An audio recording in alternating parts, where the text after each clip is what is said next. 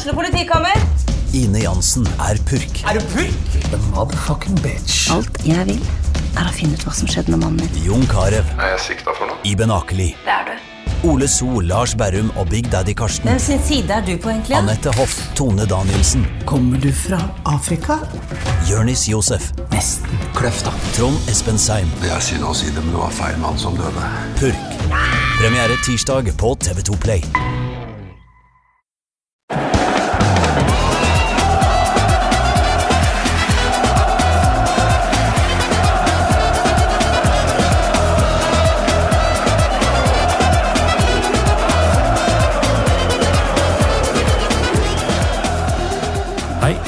Velkommen til eh, denne mm, førjulsepisoden av eh, Pyro og Pivo. Du har eh, sikkert nok å stri med, du som hører på, men legg det fra deg, fordi min julegave til dere alle er at jeg har lurt Trym Hogner tilbake til podkasten for en kveld. Halla, Trym. God aften. Velkommen hjem. Takk for det. Hyggelig å, hyggelig å bli invitert. Mhm. Eh, jeg, jeg lurer på om podkasten din har blitt latere. Tidligere så var det liksom julekalender, og på adventssøndagene var det noen videoer og sånne ting. Nå er det liksom sånn Ja. Ja, og det, det fallet, da. Ja. Det har eh, tilfeldigvis sammenfalt med at du flytta ut av Oslo. Og ikke, ikke ville være med på ting mer. Oh, ja. Jeg evner jo ikke å få til ting på egen hånd. Nei. Eh, Og, og det, Jeg har jo sikkert sagt det flere ganger, men eh, det mange av lytterne sikkert likevel ikke har fått med seg, er at du er jo egentlig den, den sanne primus motor for Pyro og Pivo. Det er jo ingenting verdt å gjøre som blir gjort uten at du har kommet opp med ideen eller vil gjennomføre det. Ja, altså, Du er jo ikke en sånn, du er ikke en sånn rammeverkfyr. Du er mer sånn som møter opp og, og deltar, egentlig. Og, og derfor, så, derfor så passer det egentlig deg ganske dårlig å liksom, drive ditt eget lille foretak og egentlig drive ting sjøl.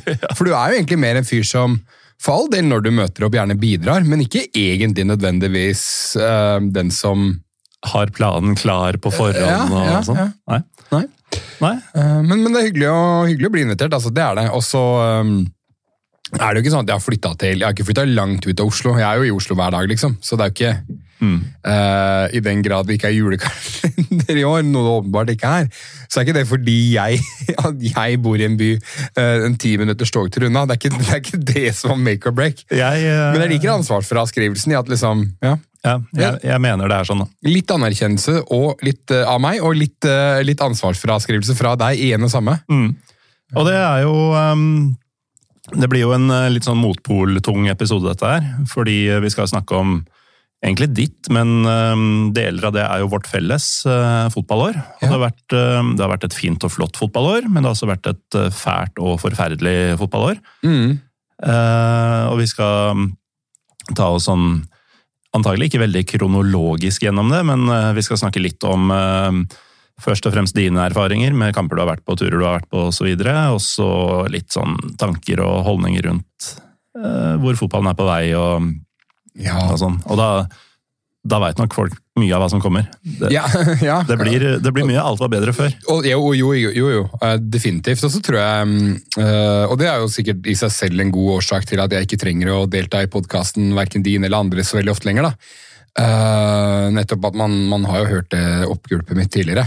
Og det er jo bare at det, det er bare det er bare at Tidligere så var det mer sånn varsko om hva som kommer til, og, men, men nå er vi der, liksom. Eh, jeg var den som løp rundt og ropte om at noen har liksom launcha Skynet, og det her kommer til å skape et helvete og ragnarok, og nå, eh, nå er vi der. Nå er helvete og ragnarok Eh, Ja, ja, definitivt. Um, så, så, men, men, men det er klart at man, det, er- det er masse elementer ved fotball man fremdeles kan, kan glede seg over, og da har eh, har jo vært det første nesten fulle normale året på, på flere På år. år og dag. Ja, ja, ikke sant? Så, så, så noen gode fotballopplevelser har man definitivt fått i året som har gått, og så er det vel egentlig bare naturlig at hvis vi først skal lage podkast mot uh, mot slutten av 2022, at vi da like gjerne snakker litt om året som har eh, gått, sånn litt sånn ja, generelt, da. Eh, jeg veit ikke mm, jeg vet ikke, altså dette med, dette med å ikke liksom være så ofte i podkast lenger, jeg, jeg må jo si jeg syns jo det Jeg syns jo, jo faen der òg, altså, så har det blitt Det har blitt, det har blitt det har blitt seire ass, på bare kort tid. ass. Fordi at det er ikke det at, Jeg har alltid vært litt sånn, jeg, jeg liker å være litt sånn der, eh, Bevege meg ut på litt tynnere is enn det som egentlig på en måte kroppsvekta mi skulle tilsi at jeg burde gjøre. liksom, Og, og være litt sånn være litt sånn tråkke i salaten-fyr. da. Mm. Trampe i klaveret. Ja, Uh, Som er et uttrykk, uh, antageligvis. Er det det? Jeg tror det. Ja, ok. Det bør folk bruke oftere. Eh, Men jeg veit ikke om det uttales klaver eller klaver. Altså Det skrives uten sånn aksent. ja. Så det kan være klaveret. ja, riktig. Hm. Um, Du veit uansett ikke hva det er, da. nei, jeg, Jeg tror det har noe med piano å gjøre. ah, tramper er det, de, det er ikke de pedalene på Kanskje er eh, holdt på å si, eh, innmaten i piano, der alle de strengene er og sånn. Oh, ja. Eller vaieren, eller hva faen det er for noe. Ja. Dette, dette kan ikke vi noe om. Nei, piano, piano er liksom topp ti-ting jeg kan minst om. Hva, hva er de ni andre? Nei, det, det, er, det, det, er, eh, det er andre instrumenter også, også på den lista, helt sikkert. Mm. Jeg tror fotball er på den lista, ja. faktisk. Um, har Som en av de, tinga, de ti tinga du kan minst om i hele verden? Ja, ja. men jeg har aldri kunnet mindre om fotball enn det jeg kan nå. Jeg, jeg, jeg, jeg registrerer at jeg hater det at alle skal drive med frispilling for enhver jævla fucking pris, uansett samme hva, for eksempel. Så det er, jo ikke, er jo ikke bare det at jeg irriterer meg eh, over, over liksom dette med var og korrupsjon, og at liksom hele Moneyball-greiene bare har blitt altfor drøyt, da, for det har liksom eskalert så sinnssykt. men men det er til og med liksom så mye Det er så mange elementer ved spillet jeg bare misliker sterkt. da.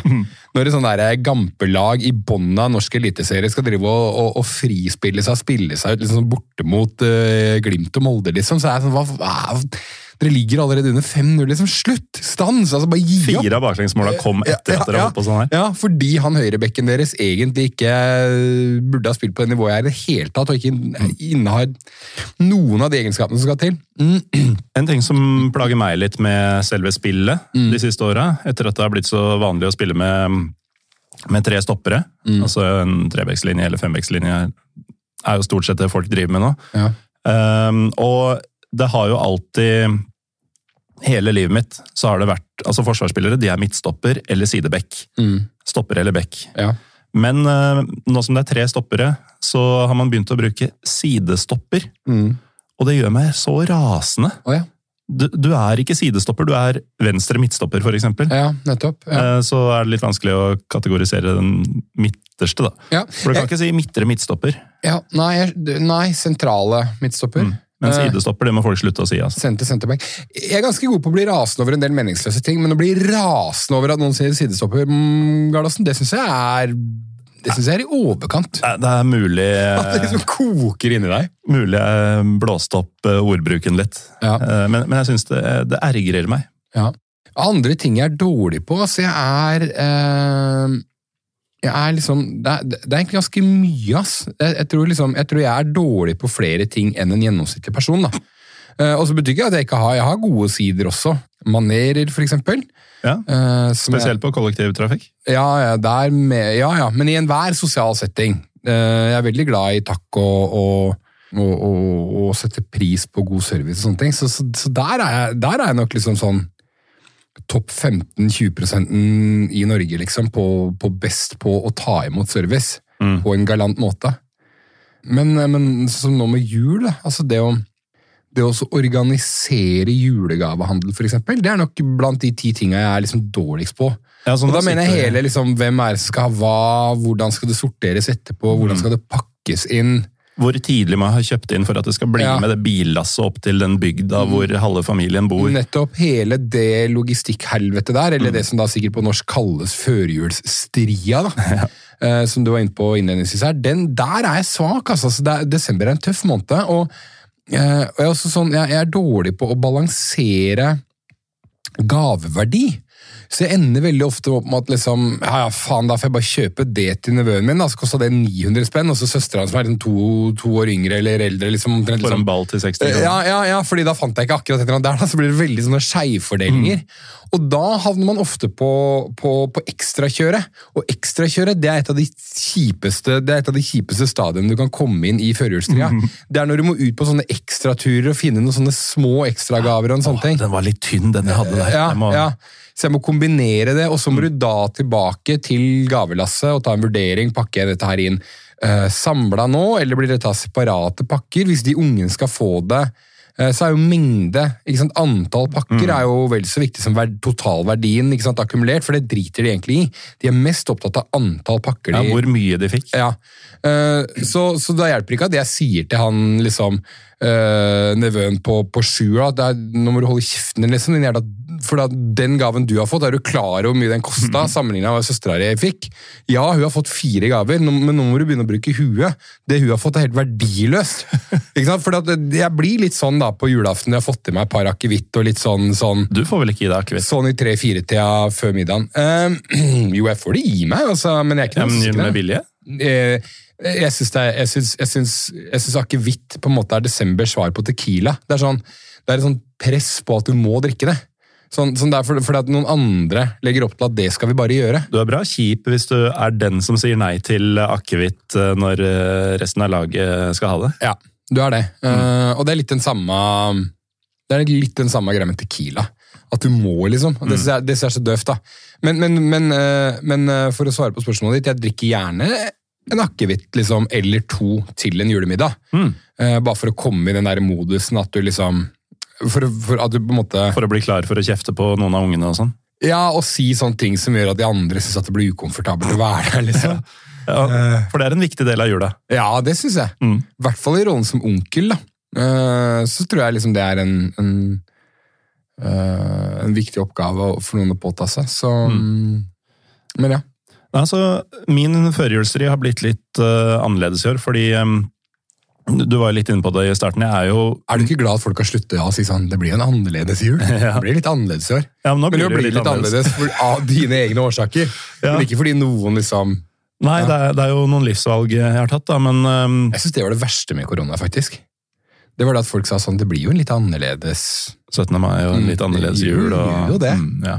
Og så på en sånn litt sånn koselig måte at vi kan jo ha det hyggelig for det. Nei, det kan vi ikke. Nei, det, Det, nei vi, får, vi får ikke lov av Bent Høie. Det er bestemt. Ja. Vi kan ikke det.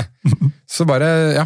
Men sorry. Det, Ja, nei, altså, mm, Som du var litt inne på i starten, så er jo jeg bortimot hjelpeløs eh, på egen hånd.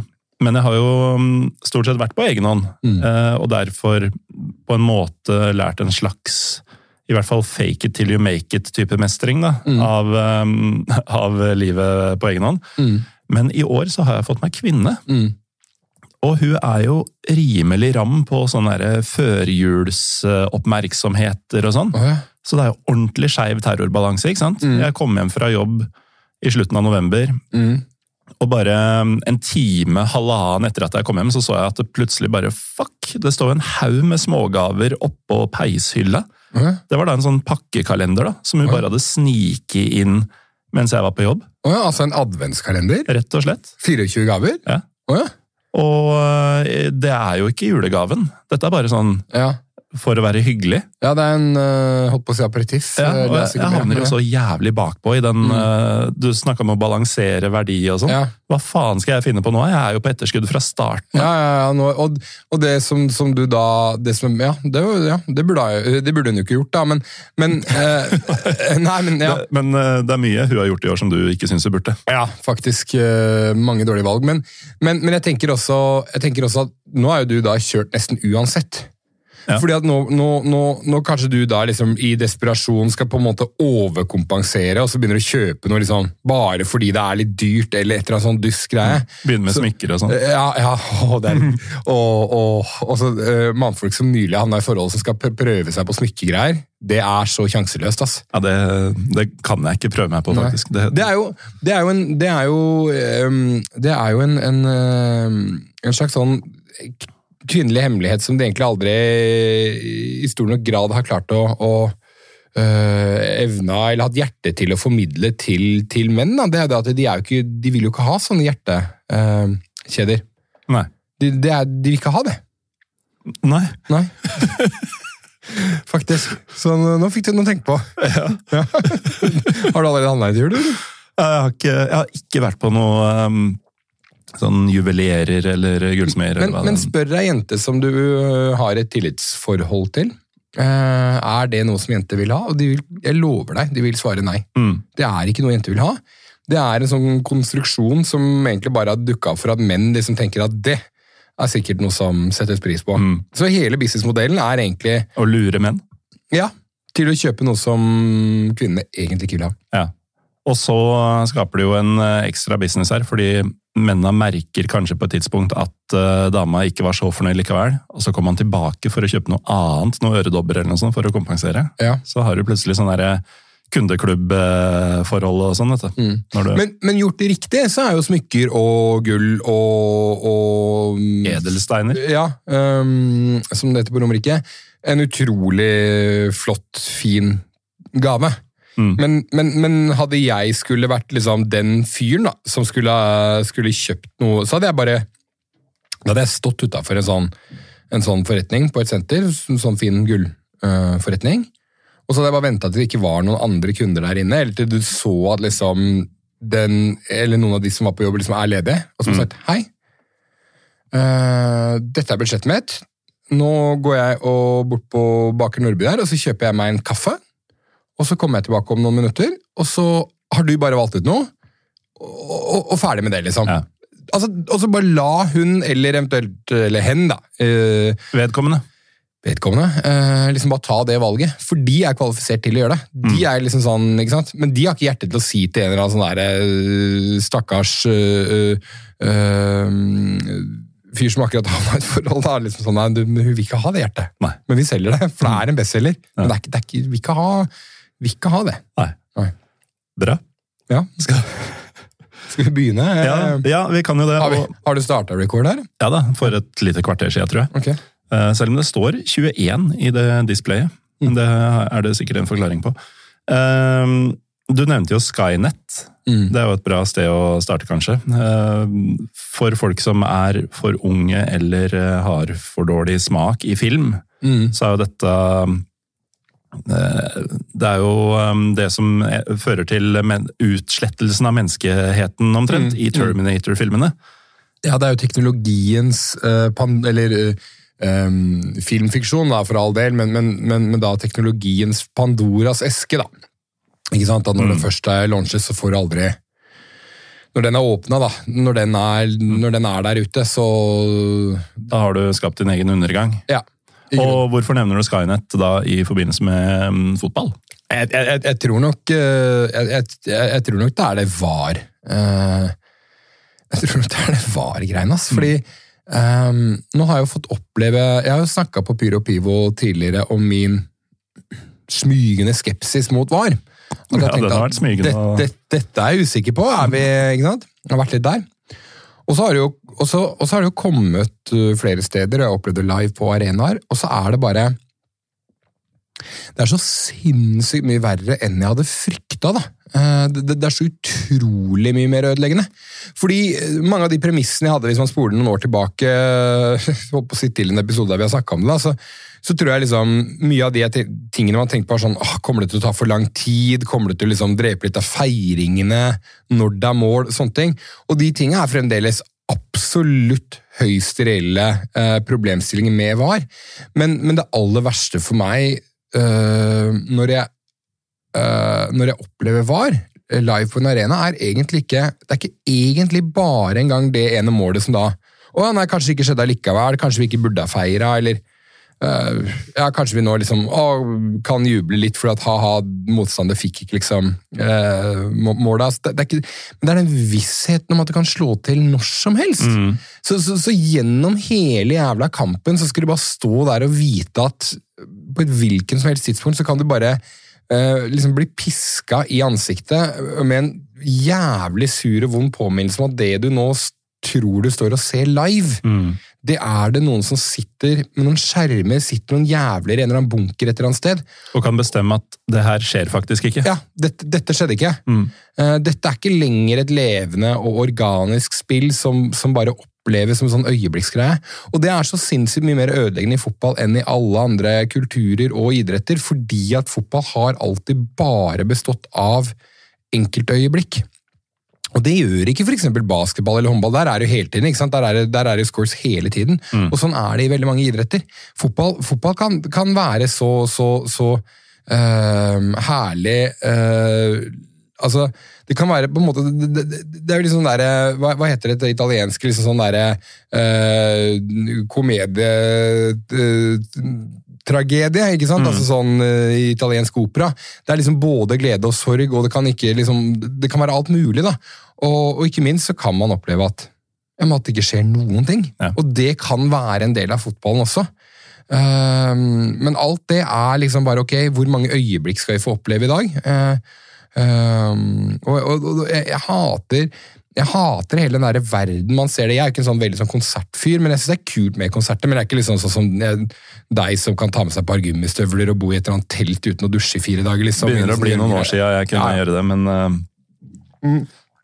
Men jeg kunne aldri gjøre det. Men, men, men, men jeg syns jo en, en bra konsert liksom er helt strålende. Men jeg ser folk stå på konserter, og så, og så opplever de ikke konserten, de opplever ikke øyeblikkene i nuet lenger, fordi de står og filmer hele konserten. Og jeg bare, jeg bare, forst, jeg bare, jeg bare hater det, da. Og det er liksom det er, det, det er, og det er, det er liksom det samme med fotballen, at, at det er jo ikke sånn det skal oppleves. mm. Eh, og, så, og så var det jo litt sånn disse argumentene med at ja, men da fotball blir jo mer rettferdig, noe jeg, synes er, altså, jeg alltid har hata som et argument. da, fordi Først og fremst fordi jeg, Jeg ønsker ikke at fotballen skal bestandig være rettferdig. Jeg tror at Noe av brutaliteten med fotball er det som gjør den sinnssykt vakker. da. Det er det som gjør at man kan prate om det på kontoret dagen etter og, og, og, og krangle på Twitter og, og andre steder sånn i etterkant av matcher, og sånt, og nemlig at noe urettferdig har skjedd. Eh, Men så viser det seg at den har egentlig ikke blitt mer rettferdig, for det er jo hele, det gjøres jo hele tida feil med VAR også. Så du har noe som er ekstremt inngripende, og som ødelegger all den organiske øyeblikksflyten, samtidig eh, som det faktisk også skaper en haug med irriterende drittsituasjoner. Um, og, og, og, de der diskusjonene etterpå Jeg synes det var mye mer ålreit å diskutere sånn den burde dommeren sett, eller det var, den, der skulle han gitt rødt kort i stedet for gult. sånne ting. En sånn, hva, hva, hvordan kan det ha seg at VAR ikke plukka opp den type diskusjon? For det er så jævlig døve diskusjoner, da. Ja, det er kjedelig. Ja, det er det. Og så er det jo det at jeg, min oppfatning av det Nå holder jeg ordet lenge, jeg kjenner jeg. Um, tydelig at det lot meg en- en- engasjere litt i det der. Altså, um, for meg så Jeg skiller ikke så veldig mellom uh, var uh, Jeg er ikke så glad i, i sportsvasking altså Jeg synes det liksom har blitt litt for bredt begrep, begrep da, men, men den der liksom styrterike eiere som kommer inn egentlig bare for å bruke det svære klubber og det Uber-globalisering av fotball, alt det moderne greiene, liksom eh, Napoli som liksom launcher sju drakter et år, liksom. Altså, sånn, alt, for meg så henger alt det der egentlig litt i hop, da. Um, det, er liksom, det er en del av samme pakka som egentlig bare handler om sånn makskommersialisering og, og fjerne, og fjerne det grasrotelementet som, som alltid har vært så sinnssykt vakkert med fotballen. Eh, nemlig det at det på en måte har vært noenlunde likt uansett hvor i verden du er og har vært. Eh, så så, så det, er, vel, det er vel hele den pakka som jeg på en eller annen på et eller annet rotete vis bare liksom heller opp i samme gryte bare rører rundt og sier at det her er faen meg, det her er faen meg samme muggryte. Alt sammen her er bare, alle de ingrediensene her er dritt, liksom, og jeg hater dem. Uh, og i 2023 så, så, så, så ble jeg tvunget til å spise av den gryta sjæl liksom, jevnlig, hvis jeg skal orke å fortsette å se Eliteserien, som for meg er liksom den fotballen jeg er aller mest interessert i. Så eh, altså, det, er noe, det er noe vemodig der, altså. Ja, helt klart. Og alle disse Altså hele denne totalpakka som henger i hop, som du sier, da.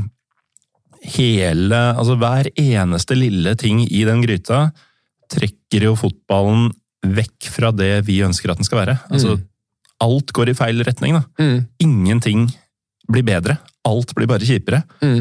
Og um, nå er jo ikke du Lars Råstad, eh, men um, de, den fotballkonservatisme-episoden fra Var det i fjor høst, eh, tro? Eller Kanskje- forrige jeg vinter? Husker i hvert fall det, ja. Um, pluss minus et år siden. Hvor han systematisk går gjennom alle de tinga, egentlig bare ved norsk fotball, som man må hindre at blir verre. Mm. Eh, det er jo reelle farer Som, altså, vi må gjøre alt vi kan for å hindre at hver og en av de tinga går gjennom, fordi hver og en av de tinga vil gjøre fotballen litt mer dritt. Kanskje veldig mye mer dritt.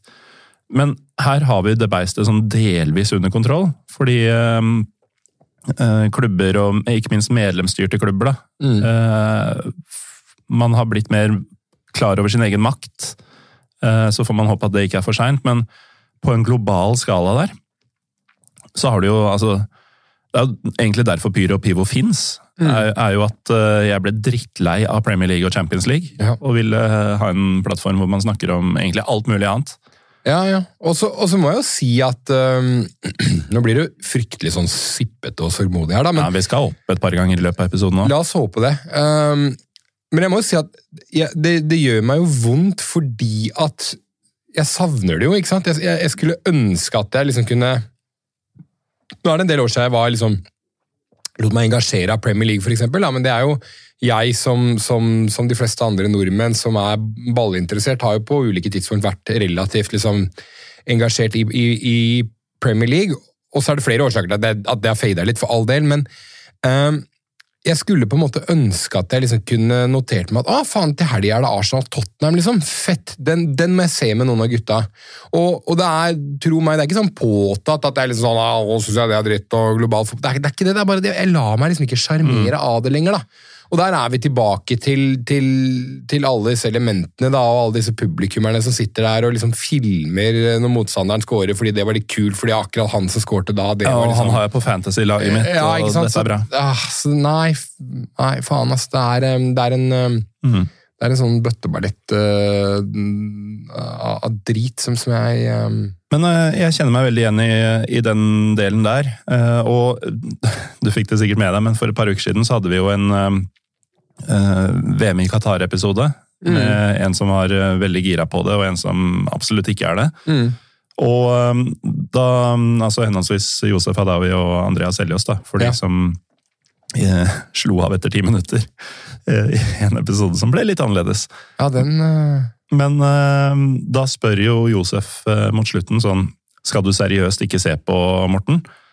Og da Jeg har jo aldri Jeg har egentlig fått ganske lite tyn for det, mm. men jeg, jeg har aldri vært sånn 100% på boikott-toget av VM i Qatar. Mm. Eh, og så har jeg funnet ut underveis i VM nå at det riktige ordet For jeg har ikke sett et sekund. Mm. Altså ikke noe som helst. Eh, men det er ikke en liksom aktiv politisk boikott. Det er rett og slett at jeg ignorerer det. Ja. Og sånn har jeg det også med Premier League og Champions League. Mm. Det er ikke sånn Jeg hater ikke Premier League og Champions League. Jeg bare, det, det er ikke noe for det, meg. Nei, det fanger deg ikke. Nei. men, og, og den kjenner jeg It's meg none of my business. Ja, og den kjenner meg jo veldig igjen i. Jeg, jeg, er jo, jeg er jo ganske langt unna mange av dem, selv om det er mange av mine gode venner og, og folk jeg både respekterer og har veldig sans for, så jeg er egentlig ganske langt unna den uh, mye av den norske boikottbevegelsen. For det første fordi at jeg har ikke så veldig troa på boikott som middel, og jeg mener liksom at ja, Det er en lang diskusjon, jeg skal komme inn på det, men, men jeg mener at Qatar uh, er en del av et sinnssykt mye større problem. Og jeg syns nok Jeg syns jo uh, For å ta den episoden, da fuck, Morten. Um, eh, jeg, jeg, jeg digger jo Hadawi og, og, og syns han er en veldig kul fyr. og Vanligvis pleier han å være veldig sånn Vanligvis pleier han å være ganske god på å på en humoristisk måte trekke fram litt sånn dobbeltmoral og annet. Uh, og så er Sel- Seljås er jo en, en, han er en fagmann, en sinnssykt flink, upåklagelig fyr som bare er dritdyktig. Um, og så ble jo den, ja, den, den, den, den sausen der, den, den skilte seg litt, for å si det sånn. da. Uh, men um, uh, men jeg syns, jeg syns på en måte at det er liksom Det lar meg ikke Det lar meg liksom ikke Det er jo selvfølgelig total, totalen av det at man vet at um, Eller jeg kan ikke nå sitte og si at en av grunnene til at jeg ikke ser på Qatar, eksempel, er pga. korrupsjon.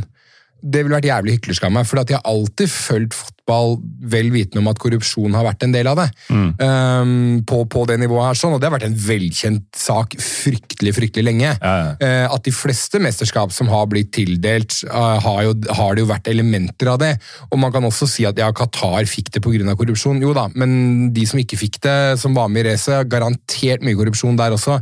Så, så, så det er på en måte en, i seg selv en, en mye, mye altså Det er en helt atskilt del som ikke det, det, det er ikke der det er, men det er klart summen av hvor uspiselig alt har blitt, det at man selvfølgelig ehm, Det er jo helt på det rene at Uh, at man utnytter arbeidskraft på en utrolig kynisk måte og, og, og sånn. Og så er det det at liksom uh, Det er noe uh, man, har, man har tatt VM fra å være den faste greia, ok, det går på sommeren og de tingene der sånn, og da, da har det, da har det liksom vært da har det vært naturlig å, å bruke det som sånn øhm, øhm, kanal for å møtes ute, enten det er med kollegaer eller kompiser, eller alt mulig, og så har du lagt det til februar, som jeg tror Nei, eh, november, unnskyld.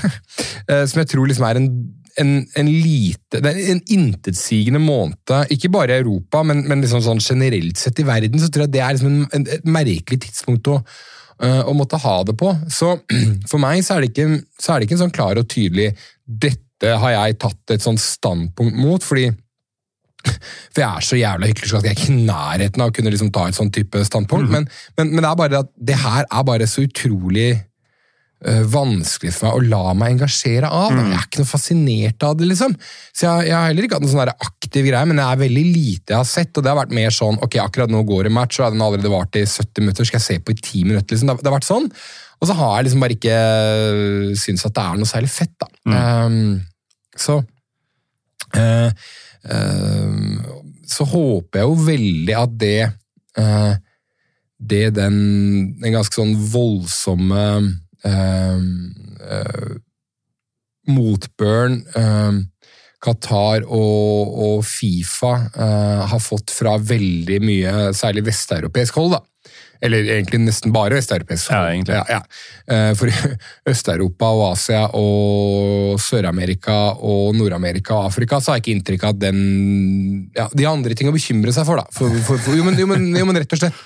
Eh, og er vel kanskje på en måte Er vel vant til at ting er vel vant til både at arbeidere utnyttes og at eh, store instanser har mye korrupsjon på en annen måte enn det vi eh, ønsker å være bekjent av i Vest-Europa. da. Men uansett, det jeg håper er jo at det her sånn ikke At ikke, den stemme, at, at ikke alle de stemmene har blitt så utrolig sterke bare fordi jeg har litt av de samme tinga som jeg sjæl nevnte. da. Det her er egentlig ganske sånn enkelt mesterskap å velge vekk. på en måte. Det er liksom, Kampene går klokka 11 i ja, jeg sa februar, da, men, men, men la oss Kunne like gjerne vært. ja, ja, ikke sant? Ja, for det er en intetsigende, nesten en måned som er enda mer intetsigende enn november. liksom. Um, det, er liksom det, har vært, det har vært et veldig enkelt uh, Det har vært et veldig enkelt standpunkt å ta, mener jeg. da.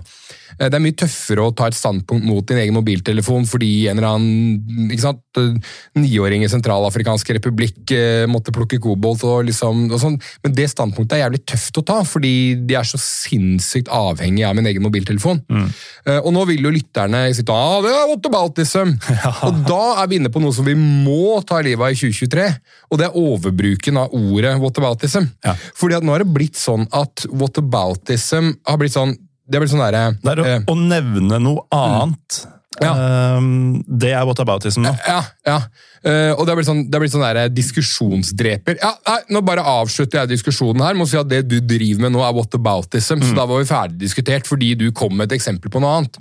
Altså, vi må kunne Jo, jo, men, jo men det er faen meg Det der, det det der Ja, det har- er sånn det oppleves. Ja, men det der har blitt så jævla ødelagt. Det der, og det, for all del, det er mange ganger der man kan peke på og si at men du liksom, Jo, men jeg kan ikke ta et standpunkt mot alt, men jeg tar et standpunkt med noe jeg føler et eierskap til. For eksempel, som jeg syns uh, vår gode venn Lars, uh, Lars Skau liksom, som kom liksom, som har forklart litt hvorfor fotballfans har et mye sterkere engasjement mot Qatar-VM enn kall det OL-fans har mot øh, et Kina-OL, for det er en helt annen type kulturell, øh, kulturelt eierskap til det. Så det, helt, så det er helt på det rene at man skal kunne si at jeg tar noe standpunkt her, men jeg, jeg kan ikke engasjere meg i alt her i verden. Ja, ja. Det, det er helt greit.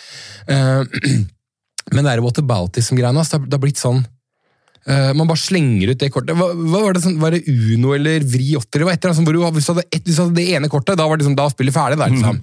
Eh, og det er, sånn, det er litt sånn det føles, og det må være mulig å, uh, å snakke om presedens. Liksom, hva har vært Ja, og presedens er jo interessant her, fordi hvis du hadde overført den diskusjonen her til jussen Mm. Hva i all verden? Altså, Ja. Da hadde jo ikke presedens eksistert da, som et juridisk uh... Ja, nei, ja, nei, Du får ikke lov til å henvise til noe annet! At det, har at det har vært lignende saker der man har gått en annen retning. Nei, det er ikke lov!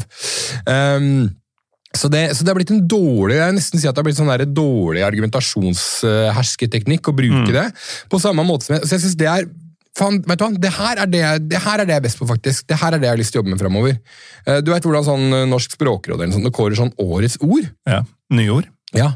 Jeg har lyst til å bli den som i slutten av året får lov til å eliminere et ord som har vært brukt for mye i året som gikk. Faktisk, det, Ja. det skal bli min jobb i 2023, faktisk. Og bare, nei, Det ordet her det her hører jeg for mye nå. Jeg er dritlei av det. Ja, det avlives. Ja, øhm, Krenka i 2021 eller noe sånt også. Også sånn derre Ja, du har en haug med fuckhead som blir krenka på andres vegne, og det er faktisk dritirriterende. Men det betyr ikke at hver gang noen sier noe dust, og så, og så svarer noen at det var jævla dust sagt, så ble de krenka. Nei, nei, Den bare påpeker at du sa noe jævlig dust, og det er også mulig uten at man ble krenka.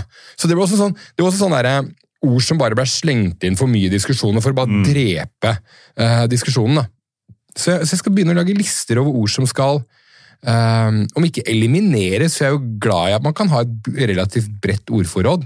Uh, det syns jeg jo er verdifullt. Vi har faktisk en eh, Men, men at vi i hvert fall kan si at det her, dette må At man kunne hatt et sånt system da, der kanskje liksom Nærmest sånn, sånn, sånn, sånn derre um, sjokkbånd rundt nakken, ikke sant? mm, Så hvis du, hvis du Ok, nå har jeg brukt liksom whataboutism ti ganger inneværende år, så hver gang jeg bruker den, så begynner det å stikke litt til i halsen min. Ja. Og så blir den bare mer og mer intens til til slutt huret popper av, da, hvis du har brukt det for mye. ja, Så sånn Battle. Royale-bånd bare med mm, ti ledd, i stedet for at huet bare popper umiddelbart. Ja, nå kjenner jeg ikke til Battle Royale, men ja.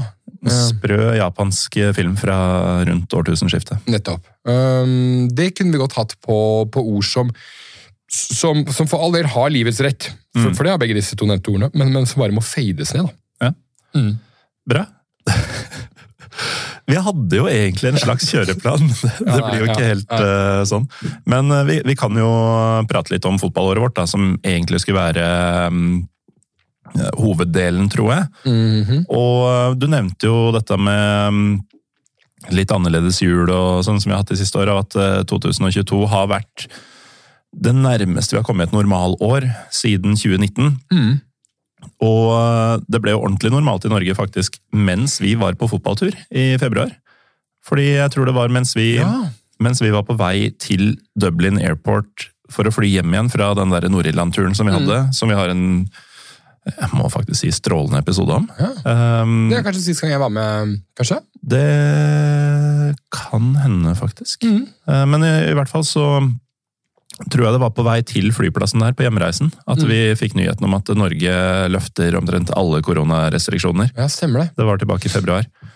Og siden så har det jo, har det jo vært eh, ganske greit å være oss. Ja, Nå har man stått litt dyr og sagt at nå, nå gjorde man en kollektiv innsats, og de fleste liksom har både hatt dette her og, og, og fått litt vaksinering, og vi håndterer det fint, og så står man ned, og det syns jeg, jeg er fint. da. Mm. Uh, men, men vi reiste jo til Nord-Irland og Irland, husker jeg. Jeg husker i planleggingsfasen av dette her at, at at, at jeg var bevisst på at det er et av stedene i Europa der ting er liksom For de var raskere der på å begynne å normalisere, eh, eller løfte restriksjoner, da. Ja, spesielt britene. Ja. Ja, så, vi, ja, eh, så Nord-Irland, da. Så, um, men, men det er rart, vet du faen. Det er liksom, jeg tenker tilbake på mye av koronagreiene og bank i bordet. For plutselig så kommer det noen bølger inn, og så, og så, mm, og så kommer det noen I Tyskland driver de og styrer med det her fortsatt. Ja. Der er det munnbind på kollektivtrafikken og, Ja. og stadig oppe i nyhetsbildet og diskusjonen. Debatten sånn her, hva slags tiltak skal vi Ja. gå for nå? Mm. Men nye pandemier og sånn vil jo komme, og, og, og, så det er jo, så det er jo det er jo kanskje greit. I Norge så, i Norge så føler jeg at vi, går så, vi, er så, vi er så sånn all in på ting. og så veldig fort så skrur vi av. Altså den der Hvalrossen Freia, liksom, det er ingen som prater om hul og hen nå lenger. liksom. Det var, sånn, det var, det var hele jævla mediebildet. Jeg veit ikke hva som skjedde til slutt. Blei vedkommende Blei hen av avlivd, eller hva skjedde, liksom? Og plutselig så brydde vi oss ikke en dritt lenger. Tror du Det, det var en hvalross, ikke sant? Ja, jeg tror det. Ja. Tror du de eh, er sånn veldig bevisst på kjønnsidentitet og greier? Ja, men jeg bare, altså, igjen, altså, Det er så vanskelig Man skal være forsiktig for Det det. er så vanskelig å være i podkast i 2022. Um, jo, men skjønner du hva jeg mener? Altså, plutselig, plutselig, plutselig var ingen som brydde seg om det lenger. Det var liksom, det var tapetserte alt av nyhetsbilder og aviser. Og så er bare Ja, jeg, jeg veit ikke. Men det var Er Freya som- i live? Er Freya plassert liksom i Dyreparken? Jeg tror Eh, de myrda hen. ja. ja, ja, og det var sikkert legitimt, men, men, men, men poenget er i hvert fall bare at vi, vi, vi gikk jo fra å liksom telle sånn antall koronagreier og sånt til liksom helt sånn slavisk, og du gikk inn på VG og Dagbladet eh, på nett, og så var det sånn, der, et sånn tall liksom, hvor mange liksom har dødd i dag, og det var, jo, det var jo ganske sånn voldsomt, til å bare ingenting. Eh, og der føler jeg vi er litt i Norge, da. Altså, men, men det er jo det er sånn bank i bordet og bare håpe at, eh, at man at man er både bedre rusta til å håndtere eventuelle oppblomstringer og, og, og, og nye utfordringer. Da. Men, eh, men det er rart vet du, faen, når man tenker tilbake, for det, det var så bisarr det var så mye bisarre ting som man bare prøvde å forstå mens det pågikk. Så mens man liksom uh, Mens man sto i det, så var det nesten sånn vanskelig å, å, å, å bare ta ett skritt tilbake og bare Hallo, hvor, hvor, hvor, hvor, hvor sinnssykt er ikke det her? Og, og, og, og det er jo en del sånne ting som jeg husker fra, fra fotballen, det er riktignok da selvfølgelig ikke inneværende år, da, men som bare altså, Husker du for eksempel på, på, på Falkum Odd, da de da de plutselig fikk lov til å ha litt tilskuere inne igjen. Men så hadde, de, så hadde de solgt så mange sånne pappfigurer. Sånn, Mange av pappfiguren sin. Så, så pappfigurene fikk lov til å sitte på langsida, mens de ekte menneskene måtte sitte på kortsida. Fordi pappfigurene allerede var plassert ut. Så de levende menneskene fikk liksom de dårligste plasseringene eh, på stadion, fordi man hadde jo allerede liksom koronapappfigurer der inne. Eh, og, og, og liksom hvordan um, Ja, høsten 2020, da, da LSK rykka opp, så, så var det for eksempel, det var lov å ta seg øl og gå ut og sånn på Jessheim, men ikke Lillestrøm. Og for de av lytterne som ikke vet, da, så er det her to byer som bare er liksom, to små byer da, som bare er det er ti minutter kjøretur mellom. liksom. Så vi kunne dra opp, vi- og så kunne vi se Ullkisa slå Sogndal, som sikra at LSK rykka opp, og da kunne vi dra ut og feste og ta seg, og ta seg noen øl på Jessheim. Men det var helt verbåten nede i Lillestrøm. Ja. Um, så, Så da ble vi på Jessheim en god del lenger Ja, ja. enn eh, enn man kanskje bør. Selvfølgelig. Um, selvfølgelig gjorde vi det, for det er klart at uh, det er jo uh, uh, elva som lukker frosken til uh, ja, et eller annet. Så, og sånn går det ordtaket. Um, så, så det måtte man jo bare uh, jeg husker Deg i Språkrådet, ass. Ja, um, Antispråkrådet. Hva er det som skal ut, ikke hva er det som skal bygges opp. Uh, Det er elva til frosken. ja.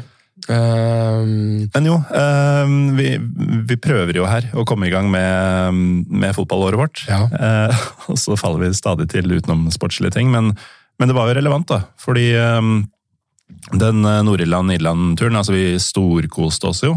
Selv om Ja. det var den ene kvelden i Dublin hvor jeg bomma på do, dodøra på natta. mm. Eh, der var det jo litt grann greier, altså, eller det var kanskje ikke det heller når jeg tenker om. Jeg tror du måtte gå inn og ut av et eller annet med munnbind, men vi var eksempel på det der nattklubben hvor man virkelig sto tett i tett. Ja. Så kanskje ikke, men eh, det, men det var liksom, det var en og annen sånn eh, plakat om 'please wear a Ja, ja. mask' og de greiene der. Men det var for første gang på, på to år, da, Mm. Så kunne vi føle litt på den friheten til å i det, i det hele tatt å reise ut. Ja. Og oppleve at man kunne oppføre seg litt som i gamle dager. Ja. At det, det var, du måtte ikke liksom vurdere etikken i det å gå og ta seg en øl på den puben Mm. um, fordi det var 14 andre der. Det skulle helst bare være 12. Ja, det var ikke noe sånn skanning, og det var ikke noe Nei, og det, og det, var, det var utrolig. Det var en skal vi kalle det en befriende start på året, da. Det var det, ass. Um, og ja, altså, virkelig bokstavelig talt, da. Um, og, og, det, og det er jo det man hadde savna mer enn noe annet, kanskje gjennom korona, i hvert fall for min del. Um, liksom ikke alt av sosialt samvær, og sånn, men, en- men, men en sånn frihet i forbindelse med en tur, liksom. Mm. Bare å kunne ta den turen og faktisk uh, oppføre seg normalt, det var, det var, det var utrolig deilig. Og, og nå nevnte du at det her snakka vi om i en egen episode, det med Nord-Irland, men det er jo definitivt et sånn Det sier jeg jo ni av ti steder jeg reiser, da, men det er definitivt på lista over steder jeg gjerne vil tilbake. Um, uh, og så kunne jeg godt tenke meg å ha sett uh, ball i Irland, for der spilles jo sesongen uh, uh, vår, høst eller vår, vinter, eller ja, altså likt som mm. Norge-Sverige, for eksempel. Da. Så um, Men, men jeg, jeg er litt sånn jeg er litt sånn bekymra med koronagreiene. For det, det at disse kinesere nå, nå, driver de, nå driver de og er veldig på å prøve å holde dette det derre null-koronastrategi-greiene. Mm. Og jeg tenker litt sånn uh, Jeg har ikke sånn veldig Jeg har ikke sånn voldsom tillit til kinesiske myndigheter. Det har jeg ikke. Nei. Uh, og jeg tenker sånn, Hvis dem hadde visst noe som resten av verden ikke veit per nå, så kan du ta deg faen på at de ikke hadde delt det med oss. De hadde ikke liksom, de hadde ikke fortalt at uh, bare så dere vet, liksom, vi har allerede oppdaga at liksom uh, Ja. Det, det hissigste kommer. Ja, ja, nettopp. Så det, det må jeg si, jeg syns er skummelt. Altså, at de bare er sånn, at de er så jævla harde på det, liksom. Fordi Altså sånn ja, litt, Kanskje litt stygt sagt, da, men det at 50 000 kinesere dør, liksom, det er jo som om to nordmenn gjør det. Altså Ja. sånn, Relativt sett. Så det er jo ikke det at de er Og de pleier jo ikke å bry seg om at liksom, vanlige folk stryker med. Så hvor Ja, men de gjør jo ikke det. Nei, de gjør ikke Beviselig. Disse kinesere. Eh, Ja, eller de ja, kinesiske myndighetene, da, for å liksom ikke Mm. dra alle under en kam her, for det, det er viktig um, uh, i podkast i 2022. um, så det bekymrer meg litt. Ja. Ja. Skal vi prøve igjen, eller? Jeg tenker at du ikke trenger å, å gi ut noe. Det, er, det er målet mitt. da, bare, bare spore av så mye at, liksom, at du får noen sånne meldinger i innboksen. at du, jeg, tror- jeg, tror ikke- Hva er det som foregår her? jeg tror ikke Trym og Josef Adaoui skal tilbake i podkasten din. Det er det jeg vil at du skal få i innboksen. Skal han og jeg lage podkast sammen? Ja, Eh, det, det vil han, veit jeg. Eh, vi tre har sittet i studio før, og det, det ble jo noe ut av det. Men eh, du kalte den eh, Irland-turen for, eh, for et startskudd, eller eh, hva du skulle kalle det. Og det, det var det jo, fordi vi fikk smake litt på, eh, på gode gamle dager. Ja. I dobbel forstand, egentlig, siden vi var på en britisk fotballkamp på 70-tallet, føltes det Ja, som. Da vi var på derby i. Linfield. Mm. Mm. Men så får du i tillegg da den nyheten om at nå, nå finnes ikke korona i Norge lenger. Du trenger i hvert fall ikke å forholde deg til det Mm. idet vi skal hjem. Og da Det er jo egentlig det som er nyttårsaften Ja. for oss. For da, nå starter normalåret 2022. Og i tillegg så er det jo ekstremt unormalt, fordi du og jeg skulle Vi visste jo at eh, sjansen var sånn 80% for at vi skulle få oppleve fugla i Europa. Ja, altså det må jo, Statistisk sett så var den jo litt sånn, sånn matematisk, eller ikke statistisk, da, men sånn sannsynligheten var jo sikkert rundt 80% Ren bortsett fra at som LSK-supporter så må du liksom subtrahere at du, for du tenker at stjernen er mot deg. da. Ja, det får ikke gått. Nei, men det, det, fikk, det fikk godt fordi at uh, LSK hadde fått en så god tabellplassering at de ville kvalifisere seg til Europa-kvalik. kvalifisere seg til kvalik, ja. Mm. Uh, dersom ja, Dersom ikke jeg vet da faen hvem vant uh, cupfinalen. Ja, det, det måtte jo være um, et av de tre lagene som hadde endt foran oss på tabellen Ja, i 2021. Og det ble det med Molde. ja, eh, I semifinalene så var jo var det vel de tre laga pluss Godset. Ja, Så ja. man trengte bare at eh, Godset måtte slås ut. ja. Det, Eh, det blir det jo. Det blir det jo. uh, altså, Godset, hvorfor i helvete de i det hele tatt spiller fotball mellom sånn uh, september og april? Det skjønner jeg ikke, ass. De, de, Men de gjør jo ikke det. Nei, nei, de gjør ikke det. De, bare, altså, de, burde, de burde hatt en slags sånn dispensasjon til at vi er med på fotball i perioden mai til august. Mm. Og da skal vi med jevne mellomrom levere noen gode resultater og sånt nå. Og Ja, og vi tar de poengene vi trenger for å Ja. få lov til dette neste år også. Ja. i løpet av det vinduet. Ja, og så skulle de bare fått permisjon. Altså, da skulle Mm. de fått lov til å gå i hi. For det er faen meg altså Den klubben er så sinnssykt ræva på høstparten uh, hvert eneste år, og, og ser ofte dårlig ut i preseason òg. Mm. Uansett, da. Um, det gjorde at man da visste at det nå nå blir det for første gang på mange, mange år, eller ja, en del år, uh, mulighet til å se fugla i Europa. Eh, For min egen del så hadde jeg også sånn litt av sånn ordentlig det norskeste av det norskeste du kan ha, bortsett fra Gran Canaria, men jeg var på Lanzarote der. Eh, og da skulle jeg selvfølgelig se ball. Det tror jeg var i sånn kanskje mars eller noe sånt. nå. Mm. Um, og der var det jo også fritt fram. Eh, og det rare med å være å se fotball på Lanzarote, det er jo at det føltes jo som om du var på en britisk kamp, bare, liksom, bare at det var varmt og, Mm. og, og deilig, på en måte. Fordi at det bor jo så mye eh, expats, eller hva man kaller det, fra da de britiske øyer eh, på Lanzarote, og helt sikkert de er andre kokosøyene som Kanarirekka består av, men eh, så på matchen da, UD Lanzarote, eh, nivå fem eller noe sånt i spansk fotball, så, så var jeg på pub før matchen, og da, og da var det liksom da var det liksom engelsk pub, og da, da tenker du kanskje at jeg mener at puben liksom hadde sånn Three Lions for Nei, nei, det var bare engelskmenn det. Det var bare engelskmenn som jobba der. Alle da Lanzarote-supporterne, som gikk da i Lanzarote-drakter, liksom, de, de, var, de var britiske, da. De var liksom sånn folk som enten bodde der deler av året eller hele året, eller liksom hadde en sånn fast sånn feriedestinasjon. Så da hadde de det til felles, at da, da var de liksom der og heide på Lanzarote, da, som var deres lag. Så de skulle da dra og se et spansk lag hvor liksom ja, brorparten av supportere var briter, da. Eh, og det var sånn, jeg så at det var Jeg kunne se jeg kunne se at dette er ikke bare sånn Det er ikke sånn at de bare er her på ferie en uke her, og de også har gjort sånn som meg. at de liksom bare nå, nå, For jeg kunne se liksom, ja, men Han her har jo en drakt fra i liksom, fem sesonger siden. og liksom, du, du, du- så at det var legit som faen. Ehm, så det, det syns jeg var sinnssykt fett, faktisk. Litt annen eh, opplevelse, selv om kulturen høres ganske lik ut. da. En uh, bikkjekald tribune i Belfast Ja. eh, i februar. Ja, det var palmetrær og noen og 20 grader og i det hele tatt, så det var ehm, det var, eh, det var fint, det, altså. Hvor mye folk møter opp på en Lanzarote-kamp på femte nivå? Jeg vet ikke om jeg kan gjette på sånn 700-800-900 eller noe sånt. men Det var Det er sånn, ikke så verst. Nei, det var ikke så gærent. Nå hadde de Stadion der var eh, i um, Faen, jeg husker ikke hva byen heter engang. liksom. Det, det sånn, da veit du det har vært på sånn type uh, ja. Uh, Ciudad Lanzarote. Ja, Ciudad del Playa, ikke sant. Um, uh, stadion lå liksom inne i byen der. Um, og litt, litt sånn gammeldags stadion, men med én hovedtribune, da. Og uh, Arrecife heter byen. Uh, eller Arecife, eller hvordan det Dette er det sikkert en del nordmenn som hører på nå, som har vært den mange nok ganger på uh, i Kanariøyene til at de kan, kan svare på. Um, jeg tror kanskje stadion tok sånn ja, det var en svær tribune med liksom plass til 4000-5000, et eller annet, vil jeg gjette. da. Og at det var liksom sånn en femtedel, eller ja, litt under det. Så det var, liksom, det var litt trøkk og litt synging, og, um, og selvfølgelig mye engelskmenn som hadde kommet seg vekk fra sikkert familiene sine og sto og var gode og marinerte. da.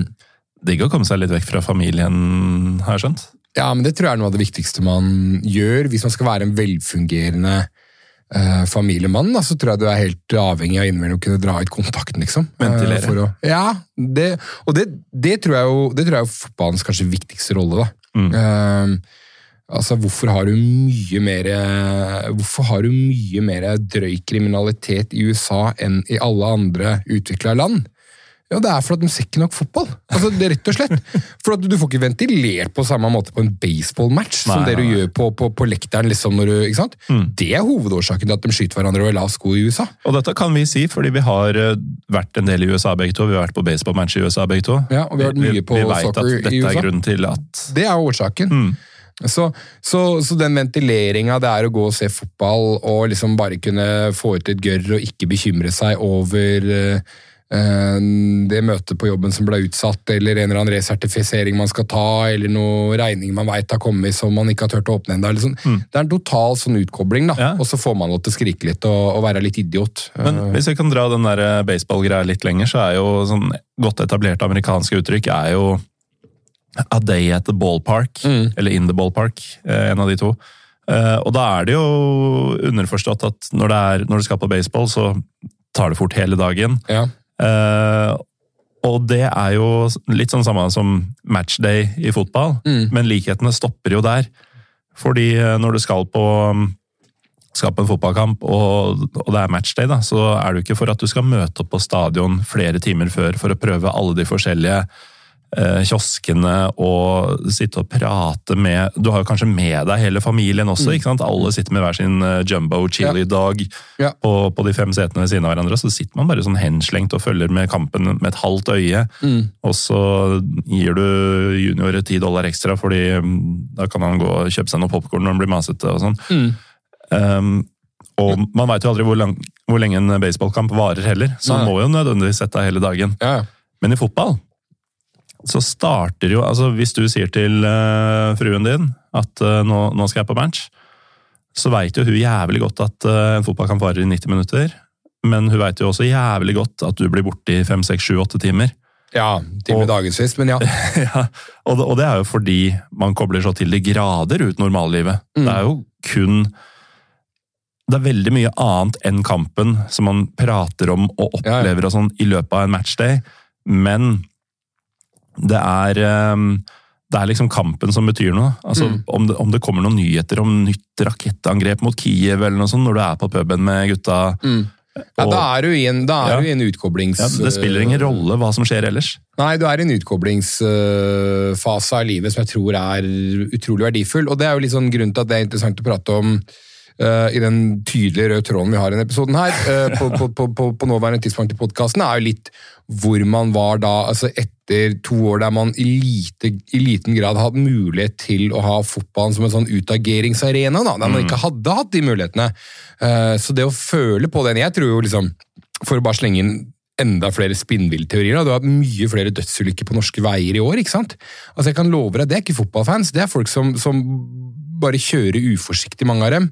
eh, fordi at de har sittet og bygd inne så jævla mye rage i de to åra de har sittet inne. Eh, og, så, blir de uforsiktige i trafikken. Det er mye bedre å være uforsiktig på en fotballstadion, tenker jeg da. uh, Innafor rimelighetens grenser. Så, så, eh, så det å ha arenaer der man bare liksom Her kan det komme ut oppgulp og sånne ting, det, det, er, det er utrolig verdifullt, også for de som prøver å og, og fremdeles har ambisjoner om å ha et fungerende familieliv og annet, da, så er det bare det er gull verdt, det. Så, så, så, um, så de liksom De uh, som ikke forstår at deres utvalgte uh, koner og menn og annet liksom har det behovet fordi de sjæl ikke er interessert i fotball, ikke klarer å forstå det, burde egentlig, burde egentlig bare få tenke at jeg, jeg trenger ikke å forstå det, men jeg kan bare jeg kan bare sette pris på at liksom uh, Tjorleif her får muligheten til å bare utagere, sånn at han i hvert fall ikke liksom knuser noe i heimen.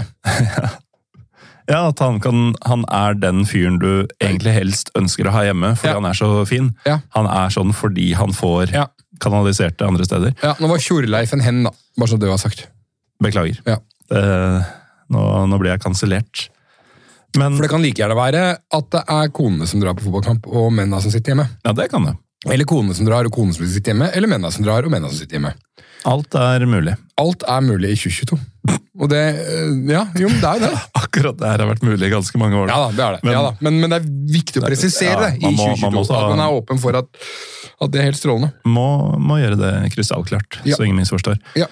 Um, men uh, når du sier det å utagere litt på kamper og sånn, jeg har jo en teori som jeg mener er Altså, den holder vann, da. Mm. Og det er at um, Sånn som jeg er jo um, av mange ansett som verdens roligste fyr. Mm. Og jeg tilskriver det og jeg veit at det ikke gjelder bare meg, men jeg, tilskriver det um, delvis det at jeg kan stå og skrike og slå i lufta og alt mulig sånn på kamper. Mm. I tillegg så liker jeg jo uh, mye aggressiv musikk. Mm. Eh, så det er liksom det er en sånn miniventil i hverdagen Ja. sånn ellers. Og um, altså Hvis du holder det til musikk, da, så er det jo ofte sånn at uh, trommisen i Mayhem for eksempel, er sannsynligvis en mye hyggeligere fyr på privaten Mm. enn det Robbie Williams er. Ja, ja. ja men jeg, Det kan jeg nesten garantere uten å ha møtt noen av dem. Mm. Uh, så når du sier utagering, så trenger ikke det å være at man faktisk gjør noe, gjør noe gærent. da. Eh, og for min del, så med unntak av en utskeielse på levermyr i, i august, så, så er jo utageringene mine begrensa til, eh, til det jeg akkurat nevnte. Ja, jeg tror at det er viktigere eh, At dette er viktigere for nordmenn enn de fleste andre folkeslag. Fordi at vi eh, av natur og, og sånn rent kulturelt lar oss selv i mye mindre grad være lidenskapelig i hverdagen vår, vise lidenskap. Vi er en ganske sånn ryddig, streit folkeslag på veldig veldig mange områder. Mm. Men vi har jo selvfølgelig også, som alle andre, behov for å, for å ja, få disse ventasjonene. Og, og, og der, er, ikke sant, der er jo um, Ja, vi, vi har jo ofte i denne podkasten her tidligere um, erklært for kjærlighet for, for Balkan og, de eks-jugoslaviske landene, Tyrkia, uh, Romania. ikke sant? Og der er det jo annerledes, for at de utagerer jo hele jævla tida. ikke sant? Men de gjør jo ikke annet. altså Dra til uh, ja, ta din by, da, Istanbul. ikke sant? Det er jo ikke annet enn utagering hele jævla tida. Mens nordmenn er jo veldig, veldig sindige. Spesielt liksom i deler av landet da, hvor det er sånn helt ekstrem sindighet. Jeg hørte et sånn sørlandsk uttrykk som jeg synes var fantastisk kult. Um, jeg ble så sint at jeg nesten sa fra. det er sånn sørlandsk, Jeg tror det er sånn sørlandsk uttrykk. Ekstremt sørlandsk. Da er du men, raser, liksom. men også veldig tett på den norske folkesjela generelt. Ja, ja, ja.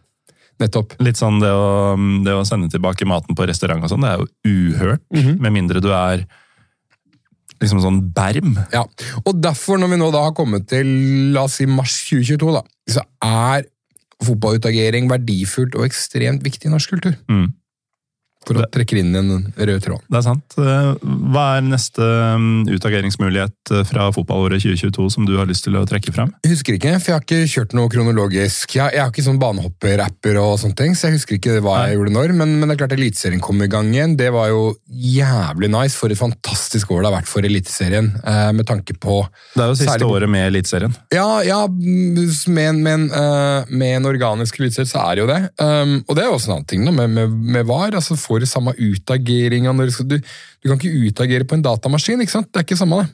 Nei. Og du får ikke utagert når øyeblikkene ikke lenger er um, så, så det Driver og sender mailer med dommerjævel til Fotballforbundet. ja, ja, så at det kan være dårlig for folkehelsa. At VAR kan være dårlig for folkehelsa og bidra til en vedvarende økt ulykkesstatistikk i norsk traf trafikk. Det er ingenting å lure på. Nei, det må jo bli sånn. Ja, selvfølgelig henger det i hop. Og Eliteserien 2022, og ikke minst Obos, eh, bortefølgende. Mm. Fantastisk. Det har vært jævlig mye bra bortefølge. Eh, Og dette henger nok også sammen med det du sa i stad, at eh, nordmenn har to år med sånn Mm. undertrykt eh, behov for eh, ditt og datt. Mm.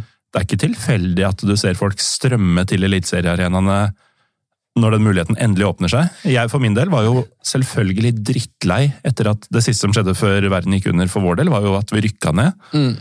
Og det var ikke mye i meg som tenkte at eh, På Romerike så er det mange som mener at det var derfor verden gikk under. Altså at de to tinga hang i hop. Ja, du har jo sagt det på, på et bånd, som, som ble ødelagt, riktignok. Mm. Men, eh, men det er jo sånn det henger sammen. Altså, Det hadde ikke blitt en pandemi om ikke fugla hadde rykka ned Mm. 2019. Nei, det tror jeg ikke. Eh, Men da har du da eh, For min del, da, Mm. og jeg bare antar at jeg ikke er aleine jeg, Det siste jeg tenkte på i februar 2020, Mm. det var fy faen, nå gleder jeg meg til å møte Stjørdalsblink og dra på masse matcher hvor Altså, det, det kommer til å være glissent på alle hjemmekamper. Ja. Alle hjemmekamper kommer til å være Sandefjord, liksom. Mm. Ehm, Ja. og, og, og, og så gikk jo den sesongen Den kom i gang, og den skulle ikke komme veldig lenge i gang heller, før jeg begynte å kjenne på sånn et savn og et sug etter å være der. Selv om jeg egentlig hadde tenkt at her har jeg ikke lyst til å være. Mm. Og det var flere ganger i åra før også at jeg tenkte sånn Fy faen, i dag møter jeg bare av plikt, egentlig. Ja. Ingenting i meg som ønsker dette her, Mm. men jeg må. Mm. Mens Men tror eh, du ikke mange norske fotballfans uh, ofte har det sånn? Jo, jo. Men etter at ting åpna opp litt igjen, Ja. som jo strengt tatt skjedde i 2021, Mm. så um, da, da var jeg virkelig sånn nymotivert. Altså, jeg, jeg var nyfrelst. Men, men det tror jeg også er fordi uh, det, er jo, det er jo verdifullt noen ganger som menneske å kjenne på det, Uh, på, å, å kjenne på savn. Det er jo fryktelig, altså det har jo masse, masse bra for seg, fordi at det, det er litt sånn eh, det er masse floskler rundt dette her med å liksom ikke vite hva du har før du er borte, og det greiene der. ikke sant? Så, um, så at, at folk kanskje, kanskje da, ikke bare vi som Fugla-fans, men, men fans av andre lag også, uh, drittdårlige lag som jo de fleste eliteserielagene egentlig er. da. Ja, ja. Um, Alle. um, det er jo liksom stort sett sånn at de aller fleste, særlig av de store, egentlig ofte skuffer, og så er det liksom noen som stikker av og gjør det bra. da. Uh, eller presterer over evne, som Glimt og KBK. sånn som liksom, ja. Uh, men, men Som vi kan sette i samme båt. ja. Um, men, men at det kanskje er flere som har, eh, om ikke reflektert rundt det, så i hvert fall på et eller annet ubevisst nivå tatt det inn over seg at faen, jeg setter jo jævlig pris på det, og så dra og så møte liksom gutta og jentene og alle sammen, og den der opplevelsen det er, og den, den, den um, det avbrekket i den ellers relativt monotone hverdagen jeg har. da. Eh, Så, så det er nok definitivt en del av greia. Så er det jo det lover veldig godt for årene fremover at du har begynt å få mye bra bortefølger igjen. fordi Uh, um, ikke bare i Norge, men generelt sett så er jo den, den beste liksom, supporterkulturen produseres jo på bortebane, eller på bortetur. da. Um, og, og, og derfor så er det veldig gøy å se de store følgene rundt omkring. Uh, så skal det sies da at jeg er litt sånn jeg tenkte litt på det, fordi, eh, for det har jeg sett også med, med bra bortefølge med, med, med vår klubb da, i år. at sånn, Plutselig så har du noen som er kanskje litt nyere, som ikke på ulike måter da, ikke vet helt, liksom, kjenner alle kutymene våre på ok, sånn gjør vi, sånn gjør vi ikke. Mm, Her er en eller annen form for hierarki med tanke på grupper og band, og hvordan ting liksom, som de fleste veit. For det, da vi var unge, ehm, så var det jo sånn at når man skulle på langtur, så var det jo med bussen. Og Da fikk du jo ti timer én vei med eh, supporteroppdragelse. Da, ikke sant? Kulturell innføring i hvordan og for all del det var jævlig mye ræl. Eh, men, men det var litt sånn, ikke sant? du, du, du blei skolert, da, og så på veien hjem igjen. Nå er det litt vel enkelt å bare booke seg et fly, og så var du plutselig på, på, på, på Trondheim borte, liksom. da.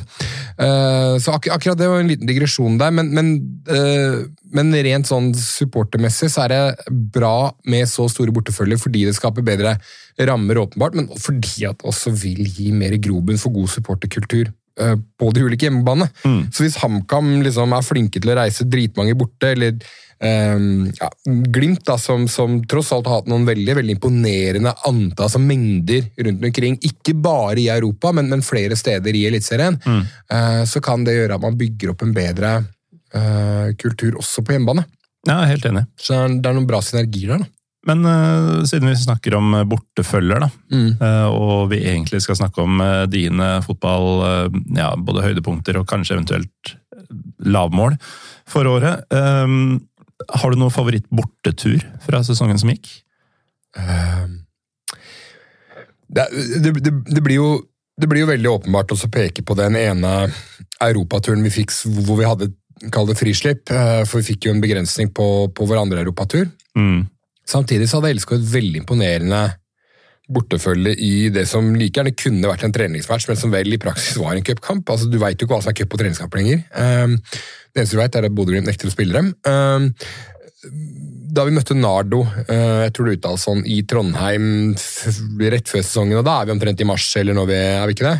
Jo, det var eh, midten av mars Ja. omtrent. Hvor, hvor LSK hadde mye Cupen 2021s fjerde runde. Ja, hvor LSK hadde mye bortefans, og, og folk reiste opp for hele helga. liksom, man, man skjønte kanskje ok, det her, det her kan, Vi visste at det kom til å bli jævlig mange borte mot Kamma i, i serieåpninga. Eh, vi har et spesielt forhold til det å kunne ta tog til Hamar. Det er ingen som skjønner helt hvorfor, men vi bare lar oss begeistre noe voldsomt av Konseptet togtur til Hamar. togtur til Hamar, som er en times togtur, og busstur til Moss. Det er de to beste tinga Fugla-fans kan oppleve. da. Vi elsker det! De to tinga er liksom, det er helt fantastisk for oss. Eh, så, men Den visste vi liksom, men, men så så du det bortefølget mot Nardo, og det, eh, det var jævlig fett. Så for å spole fort fram, så er det klart at eh, å reise bort til Europa igjen og eh, Finland, da, liksom dype finske skoger, klubb man ikke har hørt om, Seinajoki å være et bra bortefølge og klare å opprettholde en skikkelig bra kok på, på tribunen, til tross for at det var jævlig varmt og sånne ting. Og, og hele den opplevelsen der, sånn, den, den, den kommer til å være noe som jeg tar med meg i pennhallet når jeg ser litt sånn, når jeg minner litt tilbake på, på råeste sånn fugleturer for meg. da. Så for meg så var det helt sinnssykt bra. og så Eh, og så slo vi jo, jo mirakuløst ut eh, det finske laget Seinajoki og skulle da møte Royal Antwerp, og så var det dessverre sånn at enkelte Det hadde kokt såpass godt i Finland. ja, at det var enkelte Det var noe av oppførselen vår kollektivt der som ikke på en måte var bra nok. Um, og så var straffen i mine øyne for hard, men Men, øh, men disse store forbundene, du, du, du, du får ikke gjort noe med Jeg snakka jo LSK har veldig mange I styret sitt så har så mange jurister. Og, Mm. sånn, Ja, og i miljøet rundt. Ja, Det er- det er- veldig. Så de var Hver veldig fjerde Kanari-fan er jo advokat. ja. Én av fire er advokat, og tre av fire er lærere. Uh, og så, ja. Det er de yrkesgruppene vi har. Hele miljøet, faktisk. Uh, og de sa bare at altså, De prøvde jo, det, det var ikke kjangs å få noen dialog med UFA eller noen ting, og liksom få noe som helst utsettelse eller dispensasjoner eller noen ting. Så da fikk LSK-fans i utgangspunktet ikke lov til å komme inn på matchen borte i Antwerpen, med mindre, uh, med mindre man var VIP. Da var det lov med mange. Mm. Og der er du inne sånn da på ja, og der er du inne på, på, på, på noe av det ekstremt usjarmerende med sånn Uefa og for så vidt fotballforbundet og er modellen. Det er liksom, er du, er du en del av pampeveldet, liksom? Og så fordelte jo Fugla for all del mange av de billettene til vanlige fans. Men da er det liksom greit. Da, da er det innafor med at vanlig familie bare skulle få lov til å reise og se um, LSK borte. Det var ikke lov. Men samtidig som Fugla var holdt på å si, kule og delte ut mange av de billettene til, til vanlige fans, Mm. så merka man jo også at Du nevnte ordet hierarki i stad. Mm. Det var jo noen som fikk det tilbudet, og noen som ikke fikk det. for Ja, selvfølgelig. Så da måtte man begynne med en sånn selektering som jo er egentlig veldig veldig ødeleggende og kjipt. og Det var mange LSK-fans som reiste til Belgia med et desperat håp om at de kanskje skulle få komme inn på matchen, som, ikke, som endte opp med ikke å gjøre det. Um, og også vennegjenger der liksom kanskje tre fikk billett, og fjerdemann ikke fikk og sånt noe. Um, mye, mye Sofies valg i gaten i Antwerpen. I, så hvem av oss skal få lov til å komme inn? En, en helt korrekt sammenligning, føler jeg. Helt, helt spot on. Um, så, men, men, men, men det å få lov til å oppleve at LSK var i Europa, var selvfølgelig for oss jævlig svært. da. Ja, og vi slapp jo holdt på å si, både å bli stående i gata og å sitte på vippen. Vi, vi kom oss jo inn på en annen måte. Ja. Eh, takk til vår venn Hans, som har vært med et par, par La Inglese tidligere. Mm. Som eh, han og vennegjengen ordna en haug med billetter til, til oss og våre. Mm. Eh, vi måtte riktignok sitte med dem på, på hjemmefeltet og være stille, men vi hadde jo allerede tapt før matchen starta, Ja, ja. så det var ikke snakk om at det skulle bli noe, Nei, det var ikke ble noe, noe fare for at vi skulle bli kasta ut. det, eller noe det, det lå ikke noe spenning, men, men det der er jo og igjen da, det, det vakre med fotball, da, siden jeg syter så jævlig mye over alt det er drit. altså Det der er jo for meg for meg så er det der det vakreste fotballen har å by på. da. Og det er jo, For de som da ikke mm, henger med helt på hva vi, hva vi snakker om her, da, det er jo da Altså Linken her er at for noen år siden så var vi på banehoppertur i Romania. og så liksom Så på fjer- fjerdedivisjonskampen. fjerdedivisjonskamper i Transylvania. Da møtte vi Hans, som er fra Antwerpen og er Royal Antwerp-fans, eh, er fan. Og, og vi fikk et godt forhold til han og koste oss og drakk øl sammen og hadde det hyggelig. og Holdt litt dialogen. og eh, En av gutta våre som, som kanskje noen av lyttere kjenner til, uh, Roy Lykke Sørum, som, som da har vært der nede og sett liksom litt matcher og, og, og liksom opprettholdt bånd og sånne ting. Og så plutselig så står man der noen år etter, og, og vi skal møte Roy Antwerp borte og får ikke lov til å komme inn på stadion. Men ikke bare det. Eh, Et par måneder tidligere så var han i Norge. For å se Han, han var på LSK Vålinga Ja. og Tromsø LSK på Ja. Alfheim. Nettopp. Det var jo i slutten av mai. Og da, Stemmer. Da ble jo han helt sånn indoktrinert i fugla-greiene. Ja. Og så går det et par måneder, og så er vi faen meg fiender i Europa. Eller Ja. motstandere, da. Ja, og noen av de hundre laga man kunne trekke i mm. på nivå tre i Europa. Så vanvittig liksom hvordan fotballen kan, kan forene og, og skape noen arenaer som, og noen forum som bare, eller fora som bare er helt fantastiske. da. Eh, og det der råeste eksempelet på det for meg. liksom At man bare Å ja, men faen, vi skal dit, ja. Og vi får ikke lov til å komme. Nei, men greit, la oss snakke med de gutta vi kjenner som er inne i den klubben, og så, og så løser det seg. Uh, og sånn, sånne Og det er jo litt sånn er underkommuniserte delen av eh, når Pyro og Pivo, når, når du og gjestene dine sitter og prater om reiser hit og dit, det er jo egentlig de båndene man skaper, da. Mm. Uh, som veldig ofte blir um, uh, ja, vedvarende. Så, så, så det var jo noe vakkert over det å kunne klare å snike seg inn og komme seg inn allikevel, og være ønska av eh, ja, velkommen av relativt dedikerte Rå Antwerp-fans som skjønte hva vi hadde blitt utsatt for, da, nemlig et, egentlig et, en overreaksjon fra det mektige Uefa-forbundet. Ja, og i tråd med det så var jo Altså, vi spilte jo hjemme først, Mm. så dagen før LSK Royal Antwerp så var jo jeg og noen av eh, Blant annet Roy og flere av våre venner Mm. var ute og viste fram en del Oslo-puber Ja. til Royal Antwerp Ultras og litt uh, ja. ymse karakterer fra det miljøet. Poppa jo faktisk innom den samlinga sjøl, faktisk. Ikke sant? Mm. Og um, da var det jo sånn at når vi er i Belgia en uke seinere, så treffer vi på de samme folka, og de skal vise oss sine puber og sånn. Ja. Og, Og, det, og det, det er fotballen på det vakreste. Jeg har en situasjon som da gjorde at uh, altså, det, Å se fugler i Europa er liksom, er, For meg så er det, det er det viktigste av absolutt alt. da. det er det største du kan oppleve som Fugla-fan. Ja, ja. Um, som Siden seriegull finnes jo ikke. Nei, det, det, det er liksom ikke på radaren. Så det er borti. ikke, nei, ja, og, ja, og ja. Det blir ikke større, da. Eh, men situasjonen min tilsier at da hadde jeg jentungen, og hun er jo da sommeren 2022, så er hun ja, halvannet år. Eh, det er ikke aktuelt å, bare Ja, men da, da blir jeg hjemme, liksom. Eh, for jeg har alltid kritisert de kompisene mine som har brukt liksom sine unger som unnskyldning for å ikke følge klubben sin. Eh, så det var liksom nesten sånn det gikk en sånn faen i meg, liksom prinsipiell, liksom. Så jeg fløy ned med, med jentungen på halvannet år, og, og smugla meg sjæl inn på kampen for å, for å, for å se hvilken match da vi allerede hadde ryket ut, da. Og det var helt sjukt, fordi tidligere på kampdagen så sitter vi på et, et av mange torg i flott by Ja, Antwerpen. altså. undervurdert by. Hele Belgia er undervurdert som faen. Ja, Benelux må vi egentlig drive mer med. Mm. Men eh, vi sitter jo der en hel gjeng, både Antwerp og LSK-fans, på et torg. Ja. eh, drikker noe lunsjøl og sånn. Mm. Og rundt omkring, rundt bordet liksom, og på det torget, så sprader da lille baby-Lene Ja. eh, på ett og et halvt.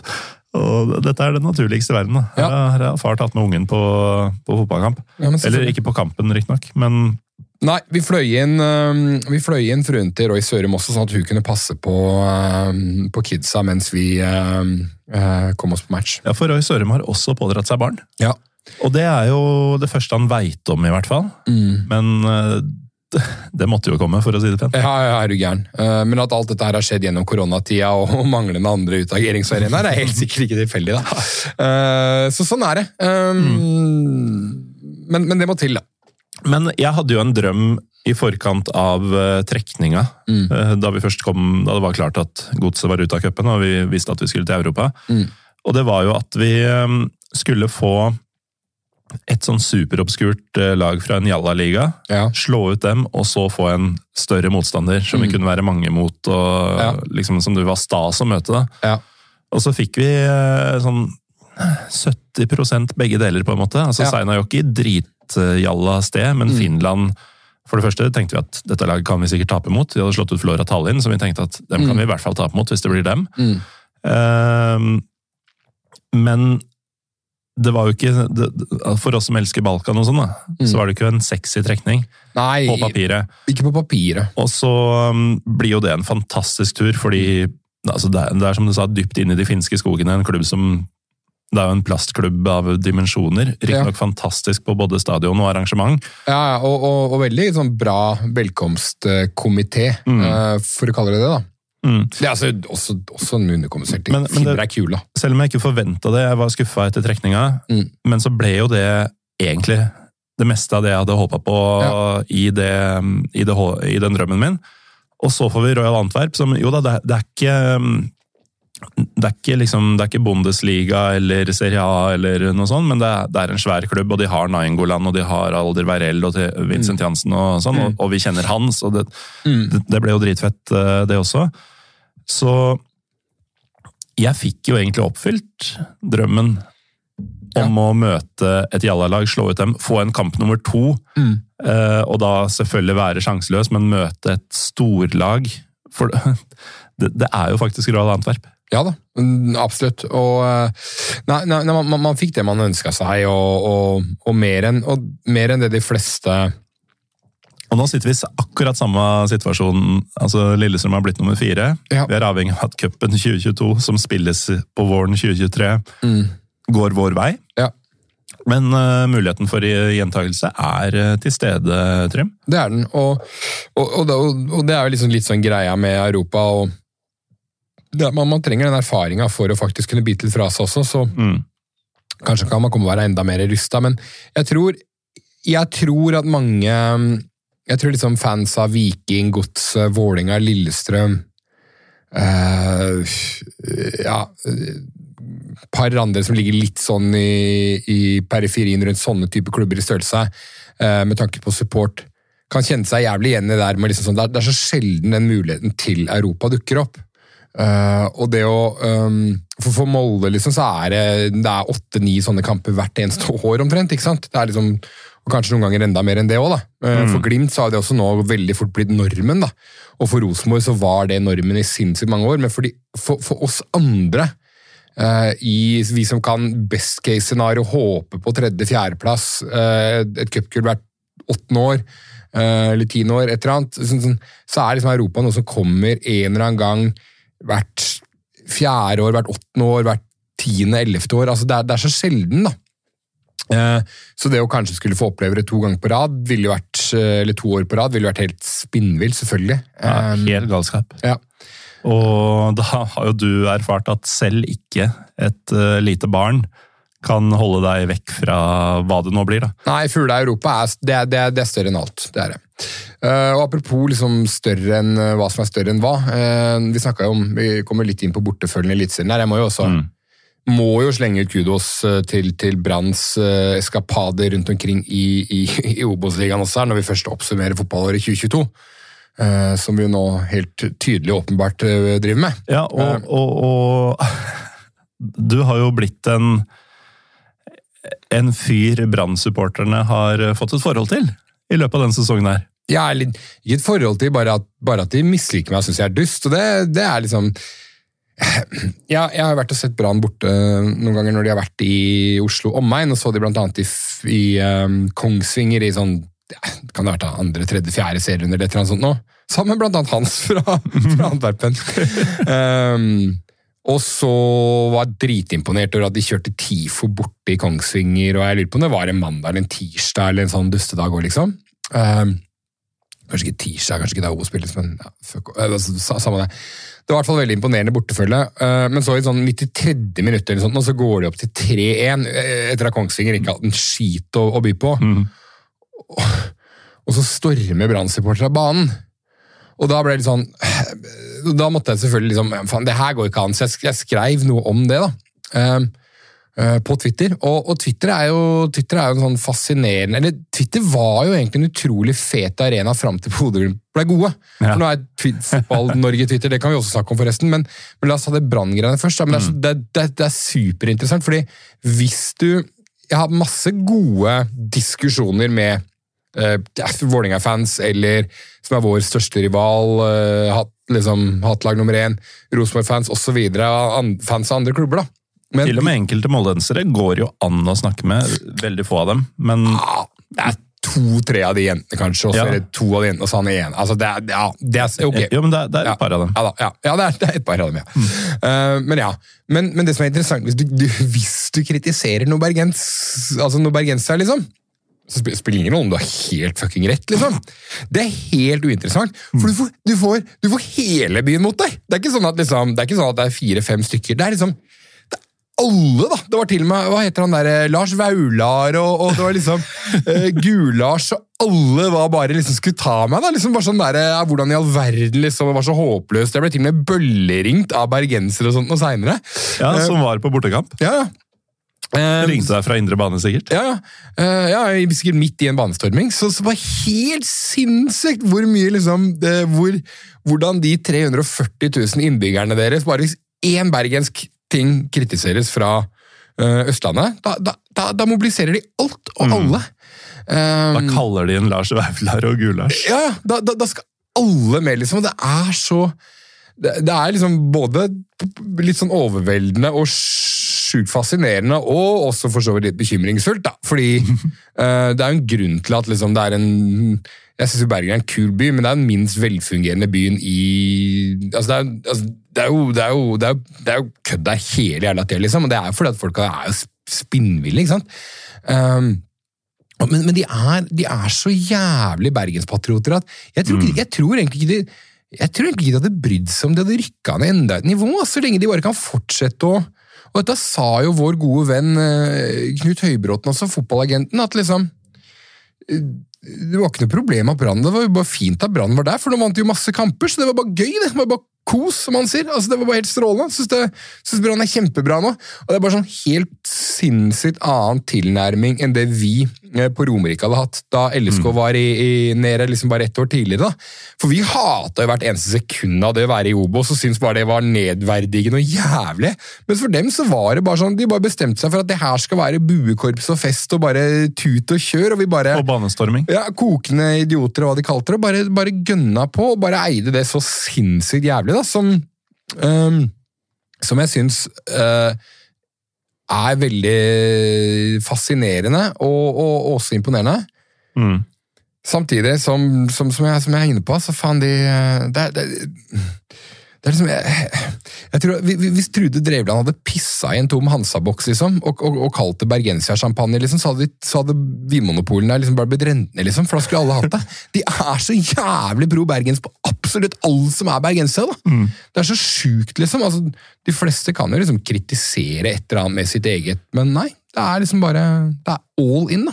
Nå skal vi ikke henge oss opp i det igjen, men det er altså så mye Egentlig alt ligger til rette for at det kunne blitt sånn tilnærma tidenes eliteserieår 2023. Fordi du har bytta ut uh, fuckings KBK, good riddance, Ja. motherfuckers. Mm. uh, og Jerv med altså et brann med en voldsom kok rundt seg, Mm. og Stabæk som man på en måte er vant til at er der, og som i hvert fall har en større plass i Eliteserien enn det Det. Jerv og KBK er. Selv om de, Også- også de vokser jo faen meg aldri, da, Stabæk. Nei, nei, aldri. aldri. Og den nye stadion kommer aldri til å bli bygd heller. Men du du bytter ut eh, to helt meningsløse klubber med to klubber som har noe der å gjøre. Ja. Uh, og så tar TV 2 over rettighetene fra et Discovery som hadde gitt opp for halvannet år siden. Mm. Og så får du VAR. Mm. Og, det, det er, og- og du går inn i det første hele koronafrie året Ja, uh, også. Og så ja du i VAR. Ja. Eh, Ref de Martinez og sikkert veit noe vi ikke veit, men ja. Um, Men, men la oss drite i det. Det er bare så jævlig irriterende at de må kjøre inn VAR akkurat nå. fordi det, Tenk hva som kunne blitt! ja, og fått ett sånn varfritt år. eh, når Ja. hypen kan være på maks. eh, Det hadde vært, hadde vært flott. Men flott. vi, vi har snakka nok om Skynet og Ja. sånn for denne gang. Men kan... du, du nevnte jo Glimt og Twitter.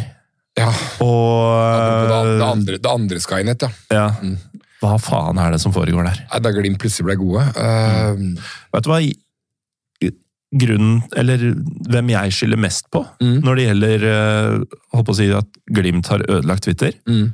Rosenborg-supportere. Oh, ja.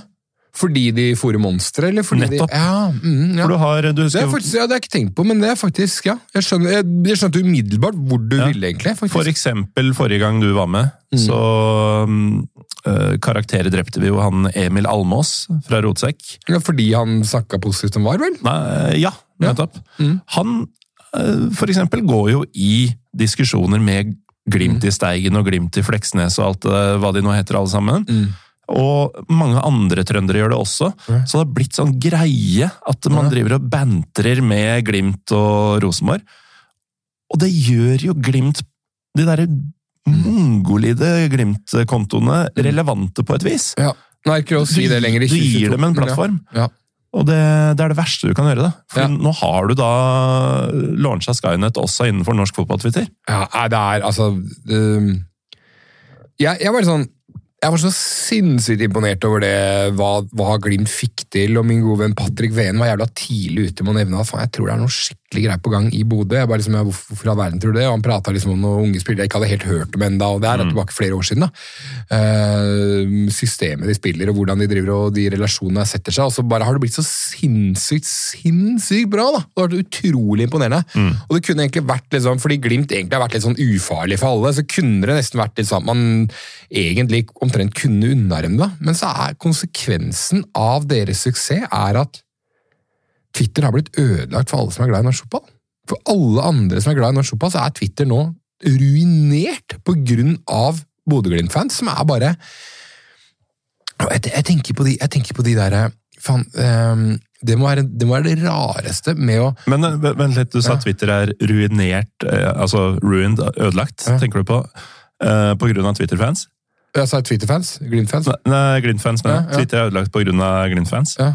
Ikke av at Elon Musk skal gjøre det til eh, noe helt annet. For det er det folk generelt er bekymra for, men du Ja. er bekymra for Glimt. Ja, den, det har jo alle. Jeg, jeg håper at han kjøpte dette rett og slett bare for å rydde opp alt det Bodø-rælet. Altså, at det var grunnen til at de 44 milliardene Er det hans datter som heter Sideræl, forresten?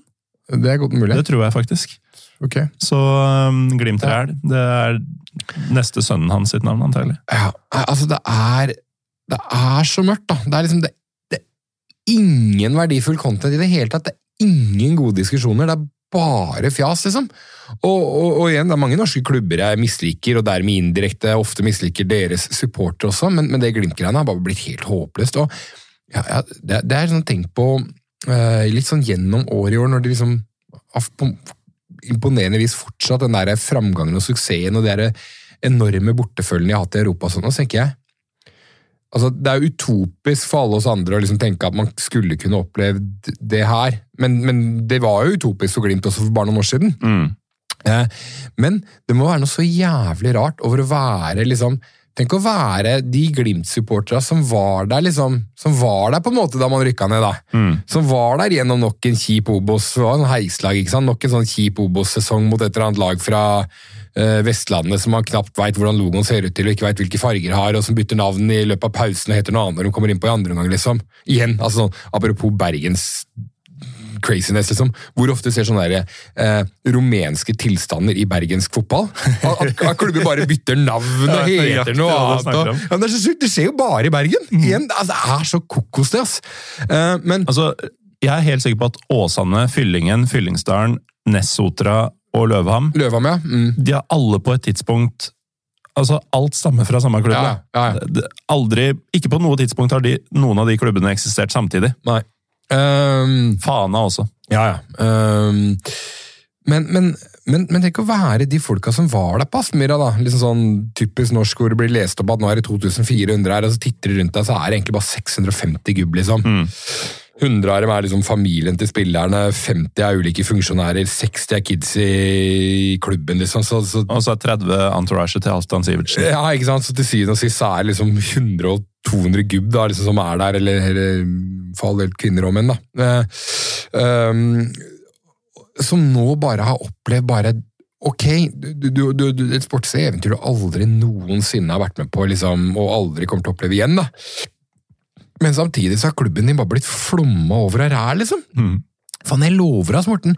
Jeg har folk på jobben jeg, som plutselig som var sånn der Bestefatteren liksom var på tur til Nordland på 60-tallet, så så nå har jeg en relasjon til Bodø-Glimt og liksom nærmest har begynt å legge om dialekta si. Aldri hørt dem prate om norsk fotball før, liksom. Eh, Det er, det er helt spinnvilt. ass. Det er liksom, det er bare, plutselig er det bare, det må bare krype fram. da. Um, så, I så sinnssyke mengder. Men, men det å oppleve at klubben din blir overtatt på en sånn måte, må være veldig, det må være veldig merkelig. Mm. Og det kunne jo, det kunne jo faktisk ikke skjedd i ja, Ta, ta Brann, Vålerenga, Lillestrøm, Rosenborg, hvor kulturen um, i hvert fall i norsk målestokk, det er såpass befesta og sterk internt i utgangspunktet Mm. at du ville ikke fått den overflommen på, på, på samme måte. Det hadde, liksom, det hadde blitt mer litt sånn regnvann som du hadde klart å ta inn. da. Eh, nei, f, eh, ja. Eh, nei, fy faen. Men Nei, fy faen. ja, ja, rett og slett. Fy faen, som har ødelagt Twitter, altså. Ja, men jeg drev og tittet, liksom, kan, vi, kan vi flytte liksom, resten av fotball-Norge over på Truth Social eller et eller annet? Fordi vi klarer jo ikke, vi klarer jo ikke å få kicka Glimt ut. Så alle vi andre må et annet sted, liksom. Ja. Uh, så er det ikke sikkert at det var løsninga, men, men bare Sånn som uh, slutten av sesong to av Vikingane. Mm. Uh, en av norgeshistoriens morsomste serier, med Jon Øigarden i tidenes rolle. Eh, hvor da de bare De er så lei av han som styrer landsbyen, og han uh, undersåtten hans, mm, at de, eh, de har noe sopp i mjøden. mm. knocker ut disse to på en fest, og morgenen etter så har alle bare forlatt landsbyen. Ja, det er, Skal bare stifte, stifte bosetting i Lindisfaren eller noe sånt. det er strålende. Det er sterkt. Det er det vi måtte gjort med Twitter. Selv om jeg tror kanskje jeg heller bare hadde banda de to, da. Men, uh, men ja, Mm. nei, jeg, jeg veit ikke, ass. Det er um, ja, det, det er synd, fordi du det er nesten ikke mulig å ha gode diskusjoner lenger, Mm. hvis, i hvert fall ikke hvis Glimt har vært sånn delvis involvert. da. Men hvis vi skal mm, prøve å komme oss mot slutten av fotballåret her, Ja. så, så har det jo vært gøy med norsk fotball i år. Det har vært veldig gøy for oss å være i Europa for første gang omtrent noensinne. Og så um, kommer jo høsten, og vi velger oss eh, Berlin. Ja. Hvor du fikk oppleve VAR på sitt verste. Men jeg håper og tror at det ikke var det du først og fremst tok med deg fra den turen. Nei, men altså, det, det, var en, det var en sinnssykt fet greie, fordi du har jo, du har jo lenge snakka mye om Union Berlin og, øh, og det er det hele den norske fotballhipster-greiene med, med, som lenge var St. Pauli, og så ble det Union Berlin, og nå har jeg hørt at mange Nå er det hva er det man kaller Bukkum, dere, dere dritt folka Nei, Der sliter jeg faktisk. Jeg har det ikke noe Vaufel eller sånn? Jeg, jeg ble, VFL, ja. VF, åh, jeg, ble, jeg ble helt matt av de greiene der sånn. Uh, selv om jeg digger jo dritt av halvseit og syns jo tysk fotballkultur er liksom det råeste av det råeste. Uh, og har vært og sett Bundesliga før. Men det å få se Union Berlin har jo selvfølgelig Jeg også har jo skjønt at den må være på bucketlista. Vi skal se dem hjemme uh, på stadion i skogen der. Mm. Men at det at det nødvendigvis er fryktelig vanskelig å få billetter til, fordi stadion er uh, Og det er beste en stadion kan være underdimensjonert. Bygd for lite. Der er altså, altså der, Men, men den var ikke det da? Nei, men, men, den er det nå, da. Fordi mm. et eller annet, altså, Alle stadioner skulle vært underdimensjonert. altså Alle arenaer skulle alltid ha noe eh, eim av billettangst rundt seg. Eh, 70% av norske fotballstadioner skulle vært redusert med kapasitet 50-60-80 Altså, jo, men helt ærlig, ass. Skulle ønske Åråsen bare tok sånn 7000 tilskuere. Hadde alltid vært fullt, istedenfor å sitte på 5,5. Eller ja, vi sitter på 6,5. La oss si 8000, da. Mm. Ok, Berlin. Union, borte. Ja. Fordi um, Borte? Ja, ja, nei, uh, ikke borte, men, men i uh, tur. Ja. Uh, tur til Berlin. ja. Uh, for da, da, da, plutselig så melder jo du at han uh, doktor ja. Han fyren vi kjenner, som ja. har tilgang til billetter. Ja, Han plutselig ikke hadde um, Mulighet. anledning til å benytte sine egne sesongkort mm. til en gitt match. Og da er det slik i Tyskland at da er det mulig å gi, legge de inn i en sånn generelt salg, eller videreføre de billettene på et ja. vis. Så da sa du at nå har vi mulighet til å dra ned og så se Union Berlin uh, på, på Stadion i Skogen. Um, og det syns jeg du skal være med på. Og da tenkte jeg den den, den, den, den, må jeg prøve meg på, liksom. Og så var det faktisk... See what all the rave is all, eller the rave is all about, liksom. Fordi, ja. Hva er det greiene her? Ja, og så er det jo Det, det hadde jo vært Eh, like aktuelt uansett match, men det var faktisk en kul motstander også. Mm. Det, var, eh, det, var, mot eh, Mönchengladbach, ja. som jo er sportslig eh, topp sju hvert år, i hvert fall. Ofte ja. topp fire. Og mm, fete spillere, fet supporterkultur. Um, bra motstander. Definitivt. definitivt. Mm. Um, og så var det jo en toppmatch, ja. faktisk. Og, og, for å, og, for å, igjen drive og hoppe litt fram og tilbake til koronatida og sammenstille det med 2022, da, så var det sånn at en av de første eller siste eller hva skal si, turene våre som blei kansellert da koronaen smalt inn, var jo, Vi hadde jo billetter til det som skulle være derby mellom Hertha Berlin og Union Berlin, og skulle mm. jo til Berlin en eller annen gang i ja, det må vel ha vært mars eller tidlig april eller et eller annet. Det var um, Det må ha vært sånn rundt 18. mars, ja, fordi vi stengte vel ned landet 11. mars. Ja. Det var helga etter at nettopp. vi stengte ned. Så, så, så liksom det, det, her har jo vært i Ja, den har jo ligget der, du har jo vært der nede flere ganger siden fall men, men for meg så var det her liksom Ok, for en, for en fet uh, mulighet å få. Den, den, er jeg keen på å hoppe på. Det var mange som spurte meg liksom, ja, ned dit, hvordan får du billett. Sånn sa jeg, men vi, vi kjenner hele legeforeninga i Tyskland. Uh, og er en ting vi har sett de siste par dagene, så er det det at uh, de som er høyt oppe i Tyskland, dem, dem kødder ikke med. De kan, mm. dem kan kuppe det meste. Um, så reisende til Berlin, da, som jo er en av Europas definitivt kuleste byer og så er det så jævlig takknemlig reisevei. Ja. Altså Halvannen time med direktefly. Ja. Par selskaper i hvert fall som gjør det. Ja. Verdens, en, av, eller en av Europas verste flyplass for all del, men, mm. men, uh, men, men, men, for en jævla kul by, og det er liksom øl og currywurst og god stemning og absolutt alt som, som Berlin alltid har å by på. Alltid, jeg har vært der to ganger, da, men ja, mitt inntrykk. Um, man skal jobbe hardt for å ha det kjipt i Berlin. Ja, man skal det. Eller, eller man skal være en døv fyr i utgangspunktet. da. Mm.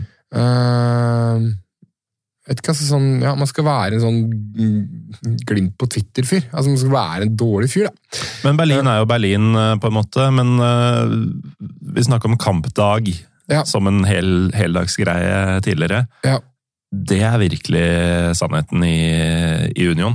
Ja, ja, altså, Du har jo sikkert tatt lytteren gjennom den opplevelsen her tidligere når du har snakka om uh, denne hipsterklubben din, da, men uh, men for meg, da, altså Vi tok uh, tog eller T-bane, eller hva faen du kaller det. Um, S-bane. S-bane. Ut til um, uh, Skauen? Ut i skauen. For du, du kjører, det føles som du kjører ut av Berlin by. Mm. Uh, og for de av lytterne som ikke har vært i Berlin by, så er det en merkelig hovedstad. For det er liksom ikke ett sånn supernaturlig Her er liksom sentrum. her er Det er liksom bare masse bydeler som Mm. drar seg i ulike retninger, og med, med ulik sjargong og skjerm. Ja, på sett og vis så, så kjørte vi ut av Berlin fordi um, Köpenick, da, som Union kommer fra, Mm. er vel et kvarter, 20 minutter med S-banen fra ett av de mange mulige sentrumene, for eksempel Alexanderplatz. Mm. Eh, Det, det er jo, altså De har jo eget rådhus og så videre, som veldig mange bydeler i Berlin har. Mm.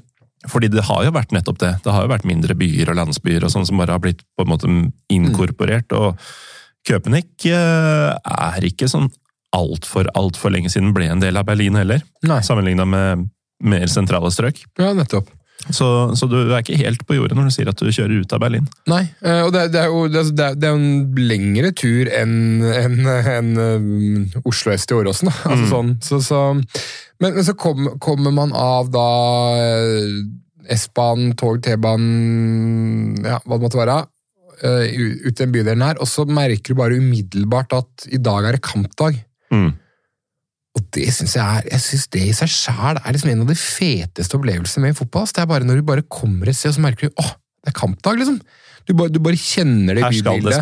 Du ser drakter, du ser skjerf, du ser folk som står og drikker en øl på gatehjørnet, og liksom I begge lags farger. Ja. For det var jo noe som Det er noe for så vidt jeg lagt merke til det, det, i forbindelse med at jeg har sett Bundesliga tidligere, at, at det er mulig i Tyskland. Da. Det syns jeg, det synes jeg er Det er nesten ikke mulig i Eliteserien engang lenger.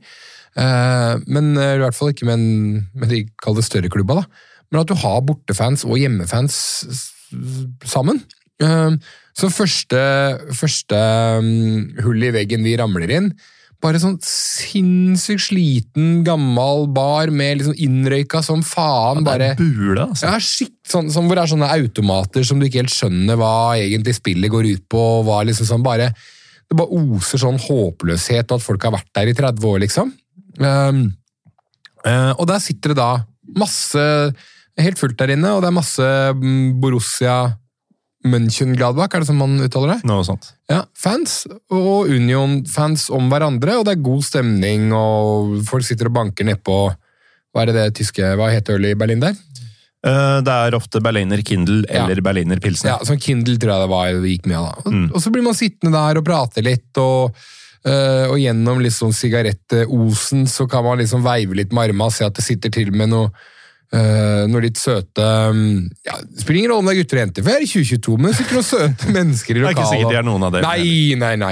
Og, og, og det er helt greit, for jeg er i 2022, og liksom å bli sittende og prate det er bare er supertrivelig. da. De har da reist opp fra, fra München Gladbach, som er ja, fuck knows, det er et par timer sikkert unna Berlin. da. Ja, det er en god del timer, faktisk. Det er helt eh, vest i landet. Mm. Eh, Nesten Nederland. Um, Ja.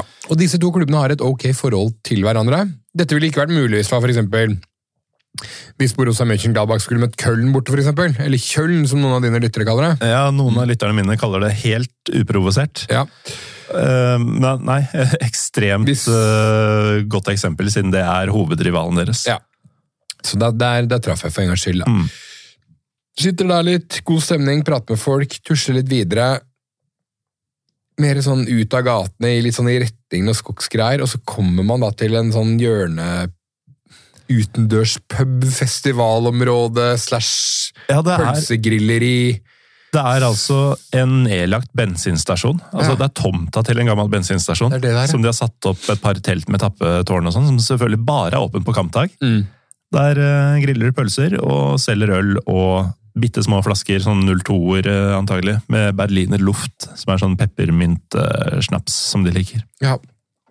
Um, og som den fyren som liksom ikke hadde lyst til å bli revet for mye med av dette her fotballhipsteriet, som jeg syns uh, du og hele dritte Halbseit-gjengen forfekter, selv om jeg også er forelska i det på avstand, eh, så bare, kjente jeg bare ok, det her er faen så sinnssykt fett, ass. Det her, det her er en helt utrolig rå opplevelse. Og igjen, eh, hjemmefans, bortefans om hverandre. Du har disse her med sånne mm, eh, eh, holdt på å si sånne dongerivester med alt av badges på, og liksom bare Hele eh, med masse patcher liksom over hele Ja, ja.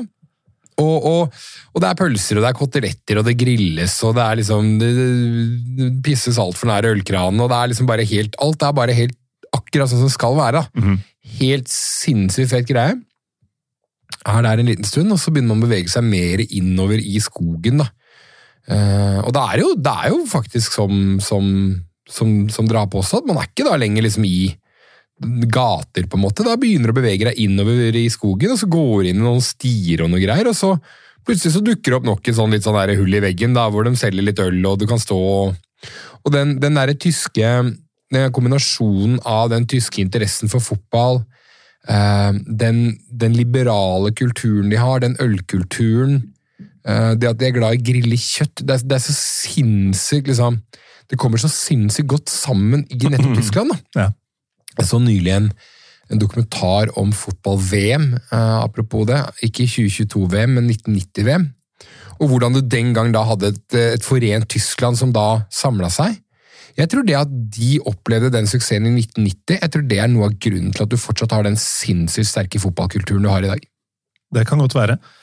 Uh, vi, eh, vi går jo da denne skogstien, som du sier. Uh, og inni der så er det Jeg, jeg så den ikke denne gangen, men jeg har ofte opplevd at det er en fyr som står og spiller didgeridoo. Mm. Det der australske instrumentet. Faen for ikke å gjøre hipsegreia Ja, ja. Vill Ja. nesten flaks eh, med tanke på i sånn peruansk uh, type Ja. poncho-greie eller? Nei, jeg tror ikke det, men det, men det er noe sånn her, eh, sånn yoga-slengbukse-variant og noen hestehaler eh, rundt hverandre og sånn, men eh, nesten flaks at eh, han ikke dukka opp eh, denne gangen, siden du var på krigstiden og på jakt etter eh, ting å mislike. Men eh, etter å ha kommet gjennom den skogen, da, og folk går jo inn i busken og pisser, det, det gjorde vel vi også, eh, og man har med seg øl og alt mulig, så åpenbarer det seg et eh, stadion. Ja, altså eh, Det er en sånn trang, i hvert fall der hvor vi skulle inn, da, eh, trang inngang for å komme seg inn og sånn. Det føltes veldig old school. Det er, det er ikke sånn, det er ikke sånn stort område rundt utafor. Igjen, i hvert fall på den sida der, hvor det liksom hvor alt er sånn kjempeorganisert og sånn. Du, du, du, du trykker deg inn gjennom uh, billettkontrollen og kommer inn. og Det er sånn gammeldags eh, turnstiles, Ja. og den køen er jo da vinkla sånn at den går rett gjennom den stien, som folk som skal videre rundt på andre sida av stadion, f.eks. på kortsida, de må jo eh, de får køen i veien for seg. Ja, ja, ja, det er li- litt sånn småkaos. Så, så veldig langt unna det jeg kanskje forbinder med mange av de moderne tyske fotballstadionene, der ting er liksom veldig ordna. Da, og, eh, til tross for at du ikke kan ta tysk eh, supporterkultur på omtrent noe som helst for tida, så eh, jeg syns en del av de anleggene som er bygget et godt stykke utafor byen, så jeg synes egentlig det er litt sånn usjarmerende, der, liksom, der du åpenbart må ta noe sånn kollektivt ut til et område hvor staden er, og ikke noe annet. For der er det plass til stadion. Ja, ikke sant? og der kunne man bygge både svære parkeringsplasser og ja, kollektivt. da. Eh, mens her er det, du, du, går inn, og så, og så man kommer gjennom da mm, eh, innslippet, så, så er jo stadion bygget sånn delvis oppi noen sånn bakker, og det er liksom, det er liksom rart, det er liksom rar utforming. Og du bare møter grillos og, og litt sånn fanshop, og, og det er bare utrolig, liksom Nok en gang, da bare en skikkelig sånn fotball, uh, fotballsk opplevelse. Um, og de der, Hva heter disse kotelettene som De heter ehm, Ja, hva er det det heter? Det er noen svinekoteletter du får i brød, i hvert fall. Ja, det, er, det er vel i praksis flintsteik, tror jeg. Ja, ok, det er det der. Ja, en kul, kul um, De kaller det bare kul, steak. ja, kul, kul stadionsnack. Um, og selvfølgelig pretzler og alt annet i forbindelse med dette her, og, og muligheter for øl og sånt nå. Og så, um, og så kommer man da, går man opp disse trappene og kommer inn på da, et stadionanlegg der, der man Altså, der tre av fire tribuner er ståfelt. Mm. Og det er jo altså, Jeg, jeg veit ikke, om- jeg vet ikke om andre stadioner i, uh, i europeisk toppfotball hvor det er tilfellet. Altså, jeg jeg veit knapt om steder der to av fire er det engang. Liksom. Altså, det, er jo, det er jo stort sett forbeholdt uh, Der hvor det er lov, så er det da liksom hjemmesupportere som har ett ståfelt på kortsida, og så er det that's it, liksom. Men, men hele jævla langsida som vi da var på, så, så er det da stående supportere. Og jeg nevnte dette med å ta med jentungen til Belgia fordi mm, fugla Europa er vik- viktigere enn alt. og, og ting, men det er også sånne ting som jeg opplevde nå, og som jeg opplevde tidligere i Tyskland. Eh, Vi hadde vært på match med Victoria Berlin dagen i forveien, bare sånn for å varme opp litt. og sånn, Også en kul opplevelse. Det er liksom, Folk har med seg babyer og, og sånn med sånne klokker på øra, og liksom, eh, og det er små unger, og det er alt sammen sammen. sammen da. Eh, mens i Norge så opplever jeg kanskje, i hvert fall, på min egen arena, Åråsen, og er egentlig litt andre steder jeg går òg, går på Nadderud, liksom, så er det, er litt for, det er liksom litt for homogent liksom, hvem det er som er der. Mens i Tyskland så virker det som liksom bare eh, du, du trenger ikke å være i en eller annen sånn um, standardmal på hva som er typisk fotballsupporter. Det er liksom alle mulige folk som kommer, da. Eh, og det er åpenbart en suksessoppskrift når du ser hvor stor uh, interesse det er rundt um, matcher i Tyskland. Gammel stadion, men også litt sånn er jo, Jeg syns den var litt sånn ærverdig, og den er jo, den er jo ja, en kul greie. Også, også, ikke minst da, at du da har bortefansen på, en, på kortsida, og da har et kjempesvært felt, og det var masse masse tilreisende fra Mönchengladbach, da, eller Nederland, som du Ja, det, det var jo Det var vel fullt eh, lenge før kampstart. Ja. Vi, vi kom jo inn i god tid til oppvarminga og sånn, fordi jeg har jo et sånn nært religiøst forhold til spikeren Mm. på, på stadion her. Så jeg mener man må være der i hvert fall 40 minutter før, i tilfelle han dukker opp og skal annonsere motstanderens lagoppstilling. Ja. Eh, som han da gjør Han kommer jo inn med trådløs mikrofon og gjør det fra indre bane, Mm. og eier jo eh, de 22 000 tilskuerne. Mm.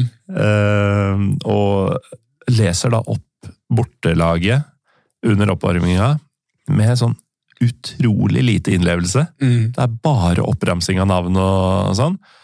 Og så går spilleren i garderoben, og da kommer han ut igjen, og da stopp, skrur de av alt av musikk og sånn. Og da vandrer han rundt der. Og øh, har jo da spart opp entusiasmen sin Mm. til å lansere altså Union Elveren, selvfølgelig, men også benken, også trenerapparatet og sånn, og alle er jo fotballgodt. Ja. Og jeg, jeg mener jo at det er en stor det er, det er en av de viktigere delene av kampopplevelsen for meg, er å få med seg Mm. uh, det. Mens Spåråsen da hører jeg aldri etter når Nei. de leser opp lagoppstillinga. Men, men uh, Båråsen så skal jo alt være konservativt, da. Eh, Det er liksom sånn. Så der er det veldig nøytralt. Men det jeg hadde gleda meg mest til på forhånd, eh, som en fyr som egentlig ikke har noe tysk fotballag sånn veldig, og, og har dette her eh, tette forholdet til som du og, og, og si gjengen din har, så, så er jo så, så Det jeg virkelig så frem til, det var jo å høre Nina Hagen med, med, med hymnen Eisern Union, eller hva hymnen heter, da. For jeg, for jeg har jo lenge ment at det er en av de aller, aller, aller beste fotballhymne i hele eh, Europa. Altså, Og det har du rett i. ja, den er, den er så sinnssykt bra. Så det var liksom det jeg gleda meg absolutt aller mest til. Det var å få, få oppleve den, den live. og og, og det skuffa ikke i det hele tatt. Den, den, det var en skikkelig, skikkelig sterk opplevelse. Så som en sånn sted å ha på bucketlista over fotball eh, helligdommer man må besøke, så, så, så er jeg veldig glad for at jeg eh, nå har den kryssa på lista. Mm. Eh, vi sto jo helt på bakerste rad, og det gikk jo sånn tålelig greit, for vi er ja, akkurat høye nok til at, det, at vi kunne se, og, og, da var man nær øl og, og, og proviant. Eh, Jeg bare håper jeg skjønner at det ikke vil være sånn, men jeg håper på et eller annet vis at det aldri forandrer seg. Jeg Jeg vet at de har ambisjoner om, og jeg vet hvordan fotballens mekanismer fungerer. Vi er på en måte indirekte en del av problemet, som vi også Ja. ønsker å unngå. ikke sant? Fordi at det kommer til å bli mer og mer ikke sant, skandinaver som har hørt hvor fett dette her er, og japanere og, og sørkoreanere og liksom, som, som skal, skal være med og oppleve dette her sånn. da. Eh, og så kjenner jo du kjenner jo kulturen der fordi du har vært der mange ganger. Jeg er jo bare en sånn som står og henger og drikker øl og, og, og prøver å oppføre meg sånn noenlunde. Men eh, nei, det var, det, var en, det var en av de liksom, topp topp fotballopplevelsene jeg har hatt noensinne, som med tanke på, på hva, hva en sånn kampdagsopplevelse kan være. da. Ja. Mm.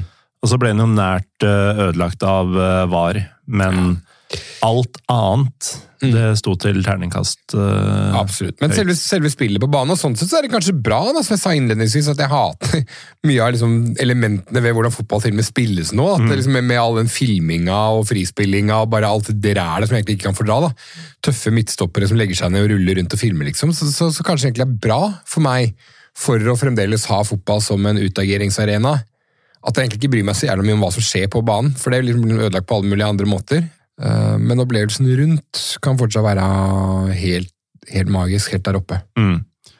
Og det, mm, det, det ble vel et par eliteseriekamper til mot Tampen, og sånn, men det, det, er jo et fint sted å runde av Eh, hovedtrekkene med ditt uh, fotballår 2022, eller? Ja, et par. Altså, jeg, jeg, så mye LSK i år, både hjemme og borte. Men jeg uh, ja, avslutta vel sesongen uh, for min egen del med, med en Göteborg-tur og var der et par dager. Og, og så um, Hekken i praksis sikre seriegullet sitt mot, ja, mot Malmö hjemme ute ut på øya Hissingen. Og så var jeg da dagen derpå og så IFK, som jeg har et godt øye til, mot Eh, mot AIK på et utsolgt uh, Ullevi, da. Uh, nye, gamle, kall det hva du vil. Um, ja.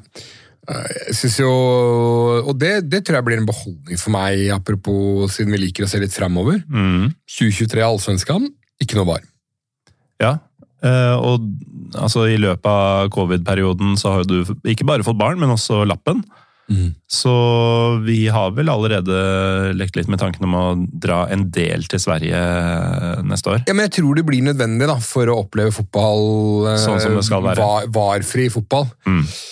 Så definitivt. Og så igjen da, som en fyr som, som hater all, all, Jeg hater ikke frispilling hvis det funker, og, og som ett av mange mulige trekk.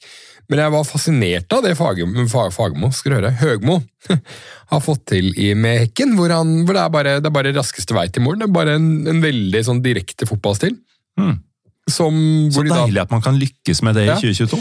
Hvor de da på magisk vis, med selvfølgelig mye lavere budsjetter enn alle de andre big gunsa i Allsvenskan, da ender opp med å vinne, vinne Allsvenskan. Og Hekken er jo en det er jo en, er en, klubb med på en måte litt tradisjoner, men det er jo ikke historisk sett en av de store Göteborgsklubbene. Det er IFK selvfølgelig aller størst, men der du har to andre også som er uh, større enn en, en Hekken. da. Uh, mm. Men de har bare gjort veldig veldig mye riktig i mange år. De har de har hatt en styreformann som også er litt sånn kongen ute på altså Hissingen er en sånn liten øy, egentlig. Eller liten øy, men det er en øy i Göteborg der. Ja, så IFK-fans eh, blant annet, de maser om at Hissingen ikke er i Göteborg. Ja, og det tror jeg Hekken-fansen også er litt sånn på. at det, da, da, da, tar de den, da. Men det er ikke sånn det er ikke sånn get Getto-område, det er det ikke, men det er ikke, liksom, det er ikke, det er ikke liksom Snarøya heller, på en måte.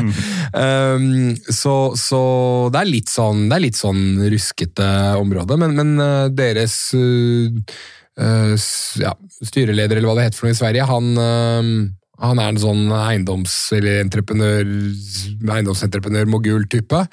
og, og de har bare gjort masse riktig lenge. Holdt på å rykke ned nesten da Høgmo tok over og redda dem i fjor. Og så har de bare på, um, på direkte angrepsfotball gått hele veien. og, og når, Da Djurgården og et par av de andre begynte å falle litt av, så gikk det hele veien for dem og vant. Så da har du nok et gulsvart uh, fotballeventyr fra en liten klubb i Skandinavia. Ja. Få deres ikke ødelegger Twitter-Sverige.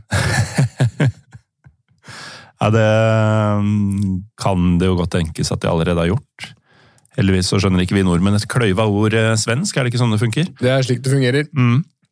IFK Göteborg, eh, nok en undervelmende sesong. Eh, eh, ikke helt i nedrykkstrea, men, men, definitivt ikke der oppe og kjemper heller. Men, men, det som har vært kult med å følge IFK litt sånn på, i hvert fall ha de litt på radaren i, i fotballåret 2022, er at det begynner å bli veldig bra med tilskuertallene der. Så det er sånn at det er ikke en selvfølge lenger at her er det masse lederbilletter. Det, er, mm. det, selges ut, da. Og det er kult, for det trenger svensk fotball. Jeg syns jo vi i Norge hyper Tribune-Sverige for mye. Ja, fordi eh, vi ser bare Stockholms-matchene ja. og liksom en og annen IFK-kamp, en og annen Malmö-kamp. Yep. Og så glemmer vi veldig mye Elsborg og Halmstad og, og Mjelby og Sirius ja. og, ja. og Trelleborg og Degerfors. Og... Nettopp, vi gjør det. Uh, faktum er at de, de, de topp tre Stockholmsklubbene er helt sinnssykt imponerende. Ikke bare i skandinavisk, men i europeisk Ja, ja. og verdensmålestokk. Definitivt. Men jeg er lei av å høre norske fotballfans liksom genierklære Sverige. Fordi at sånn, sånn, sånn per innbygger så, har jo, så er jo tilskuersnittet i Norge høyere, og vi har en sinnssykt mye mer utfordrende liga å følge, fordi at de faktiske avstandene i Norge er vanvittig mye større mellom klubbene. Eh, Geografien eh, vår er jo helt jævlig. Ja. Og hvis men- man ser et kart, altså ikke over Sverige, men over um, allsvenskan, Mm. så tror jeg um, det er ett uh, lag, kanskje. Uh, nei, jeg tror Sirius faktisk er, uh, er det nordligste laget. De er fra Er det Uppsala det heter? Det Ja, som er mulig. litt grann nord for Stockholm. Mulig det. Så hele jævla ligaen er konsentrert i sørlige deler av Sverige. Ja, ja. Og de har ikke et eneste fjell i hele landet. Mm. Nei, altså, du, har en, du har en ekstremt stor del av, av massen ligger innafor en ok kjøretur. da. Mm. Skal det sies altså det, det, det var mm, en eh, AIK-fan som skal til Göteborg. Det er, en, det er en relativt lang kjøretur, men det er liksom ingenting sammenligna med Tromsø og Bodø og, og, og Trondheim og sånn som det er i Norge. Da. Så jeg syns, eh, jeg syns at vi skal fortsette å hylle eh, spesielt uh, trøkket, tifoene og sånt. i Toppnivå. Stockholm. Toppnivå i Sverige. Også glemte å slenge inn Malmö her òg, da. Um, det, det skal vi fortsette å gjøre, men vi, vi, må, ikke, vi, må ikke late som at, at det er så sinnssykt mye bedre enn det er. fordi, igjen for å slå et slag for norsk eh, fotballkultur, da. Det er ikke, det er ikke et eneste land i Europa der forutsetningene for å følge laget sitt er tyngre og, og vanskeligere enn i Norge. Vi er lavt befolka, altså sånn med tanke på å bygge mye trøkk. Vi er lavt befolka, lavt befolka land med enorme geografiske avstander. Eh, og, og derfor så må vi, vi må snakke mer opp norsk tribunekultur eh, enn, å, enn å drive og snakke den ned. Enig. Eh, Trym, hva mm, ser du fram til med jula? Faen, jeg er ikke sånn veldig sånn julefyr, ass. Nei? Hva, hva ønsker du deg til jul, da? Jeg vet ikke, jeg har liksom lyst på kikkert. Uten at jeg veit hva jeg skal se på. For jeg er aldri ute i naturen. Og... Nei, aldri! Nei, jeg bor Ikke er du interessert i birdwatching eller uh, trainspotting eller noe som helst? Nei, men jeg er liksom blitt akkurat gammel nok til at kikkert er en av de tingene jeg kanskje burde ha, men ikke har. Mm. Eh, når det er sagt, så er det få, få julegaver å, å, å forskuttere, holdt jeg på å si. Jeg, jeg, jeg, jeg, tror jeg skal mm, jeg skal kjøpe en julegave til meg sjæl fra jentungen. Um, det blir kanskje en um, det blir kanskje LSKs 2023-drakt, som allerede har kommet før Mm. jul. Du liker den?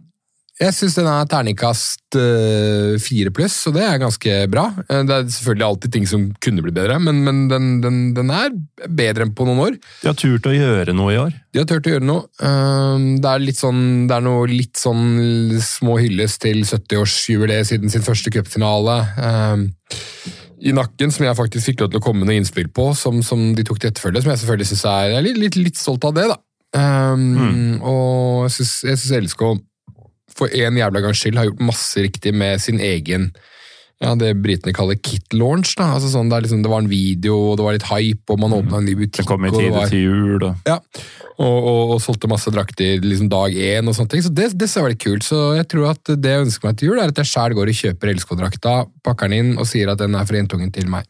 Bra. Mm.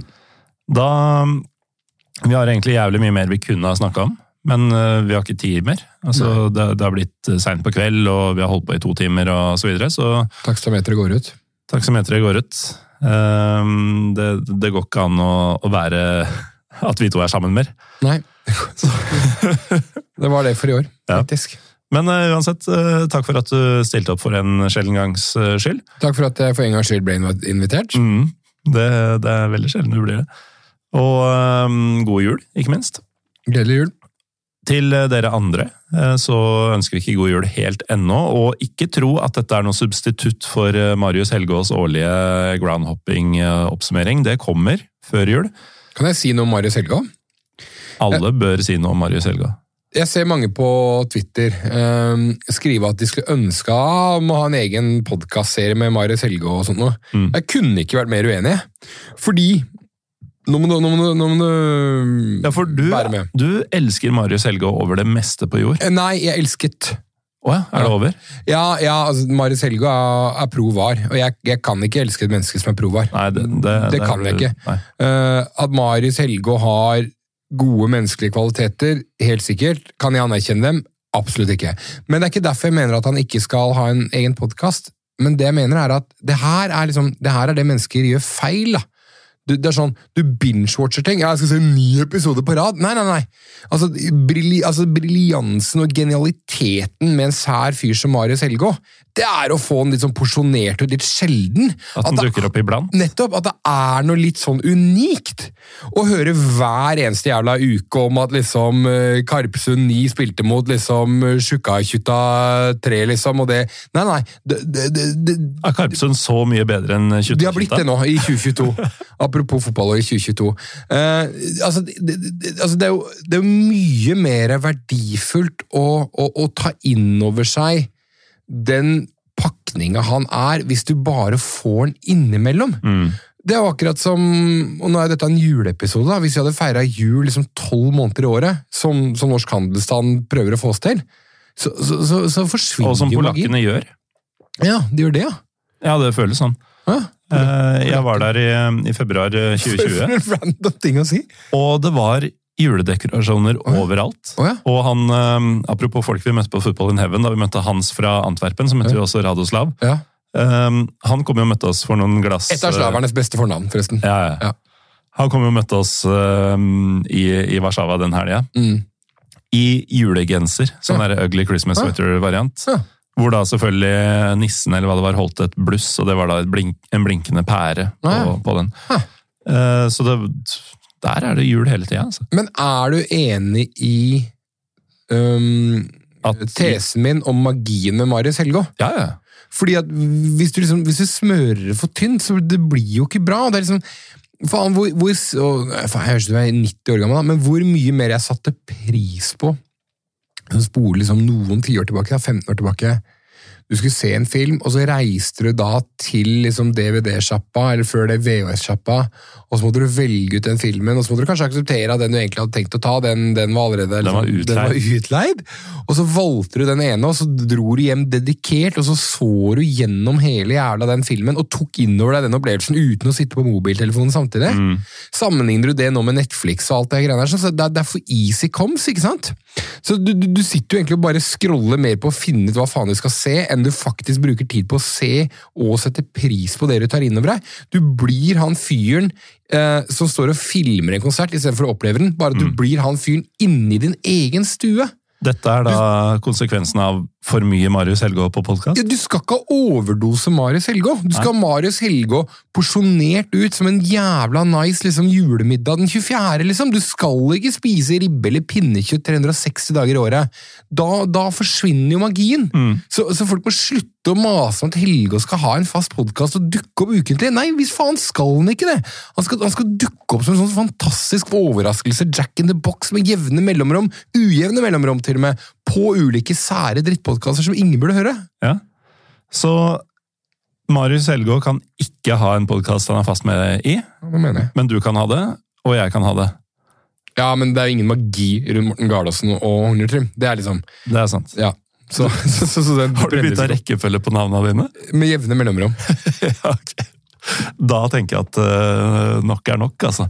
Så igjen, uh, som jeg prøvde å si, takk for at du var med, Trym. Gledelig jul. Takk til uh, dere som hører på. Vi er tilbake neste uke. Hvorfor det? Jeg veit ikke. Det, det er bare Det bare blir sånn. Ja, ok. Uansett, takk for nå, og vi høres.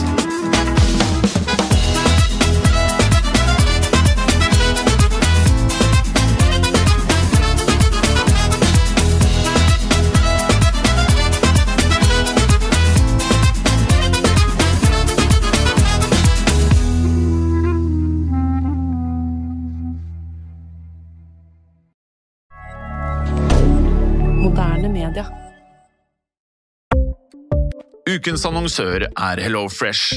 HelloFresh er verdens ledende matkasseleverandør og kan være redningen i en travel hverdag.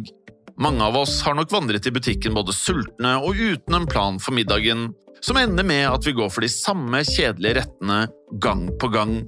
Middag burde være dagens høydepunkt, Som Hello Fresh kan du nå velge mellom 25 ulike retter hver eneste uke, eller få Hello Fresh til å sette sammen menyen for deg. Dette gir deg muligheten til å prøve nye og spennende retter alene eller sammen med familien. Du velger antall porsjoner og får alt levert på døren på et tidspunkt som passer for deg. Oppskriftene er enkle, og maten er lett å lage både for store og for små. Ved å få alt levert hjem får du også mer tid til å dele matgleden med familie og venner. Kanskje det frister med asiatiske tacos eller greskinspirert kylling? Da kan jeg anbefale deg om å gå inn på hellofresh.no. Her kan du bruke koden FOTBALL og få opptil 1779 kroner i rabatt på de første fem matkastene hvis du ikke har prøvd Hello Fresh tidligere. Du kan også bruke rabatten hvis du har vært kunde og stoppet abonnementet ditt for tolv måneder siden eller lengre. Gå inn på hellofresh.no og bruk koden FOTBALL. Har du et enkeltpersonforetak eller en liten bedrift? Da er du sikkert lei av å høre meg snakke om hvor enkelt det er med kvitteringer og bilag i fiken, så vi eh, gir oss her, vi. Fordi vi liker enkelt. Fiken superenkelt regnskap.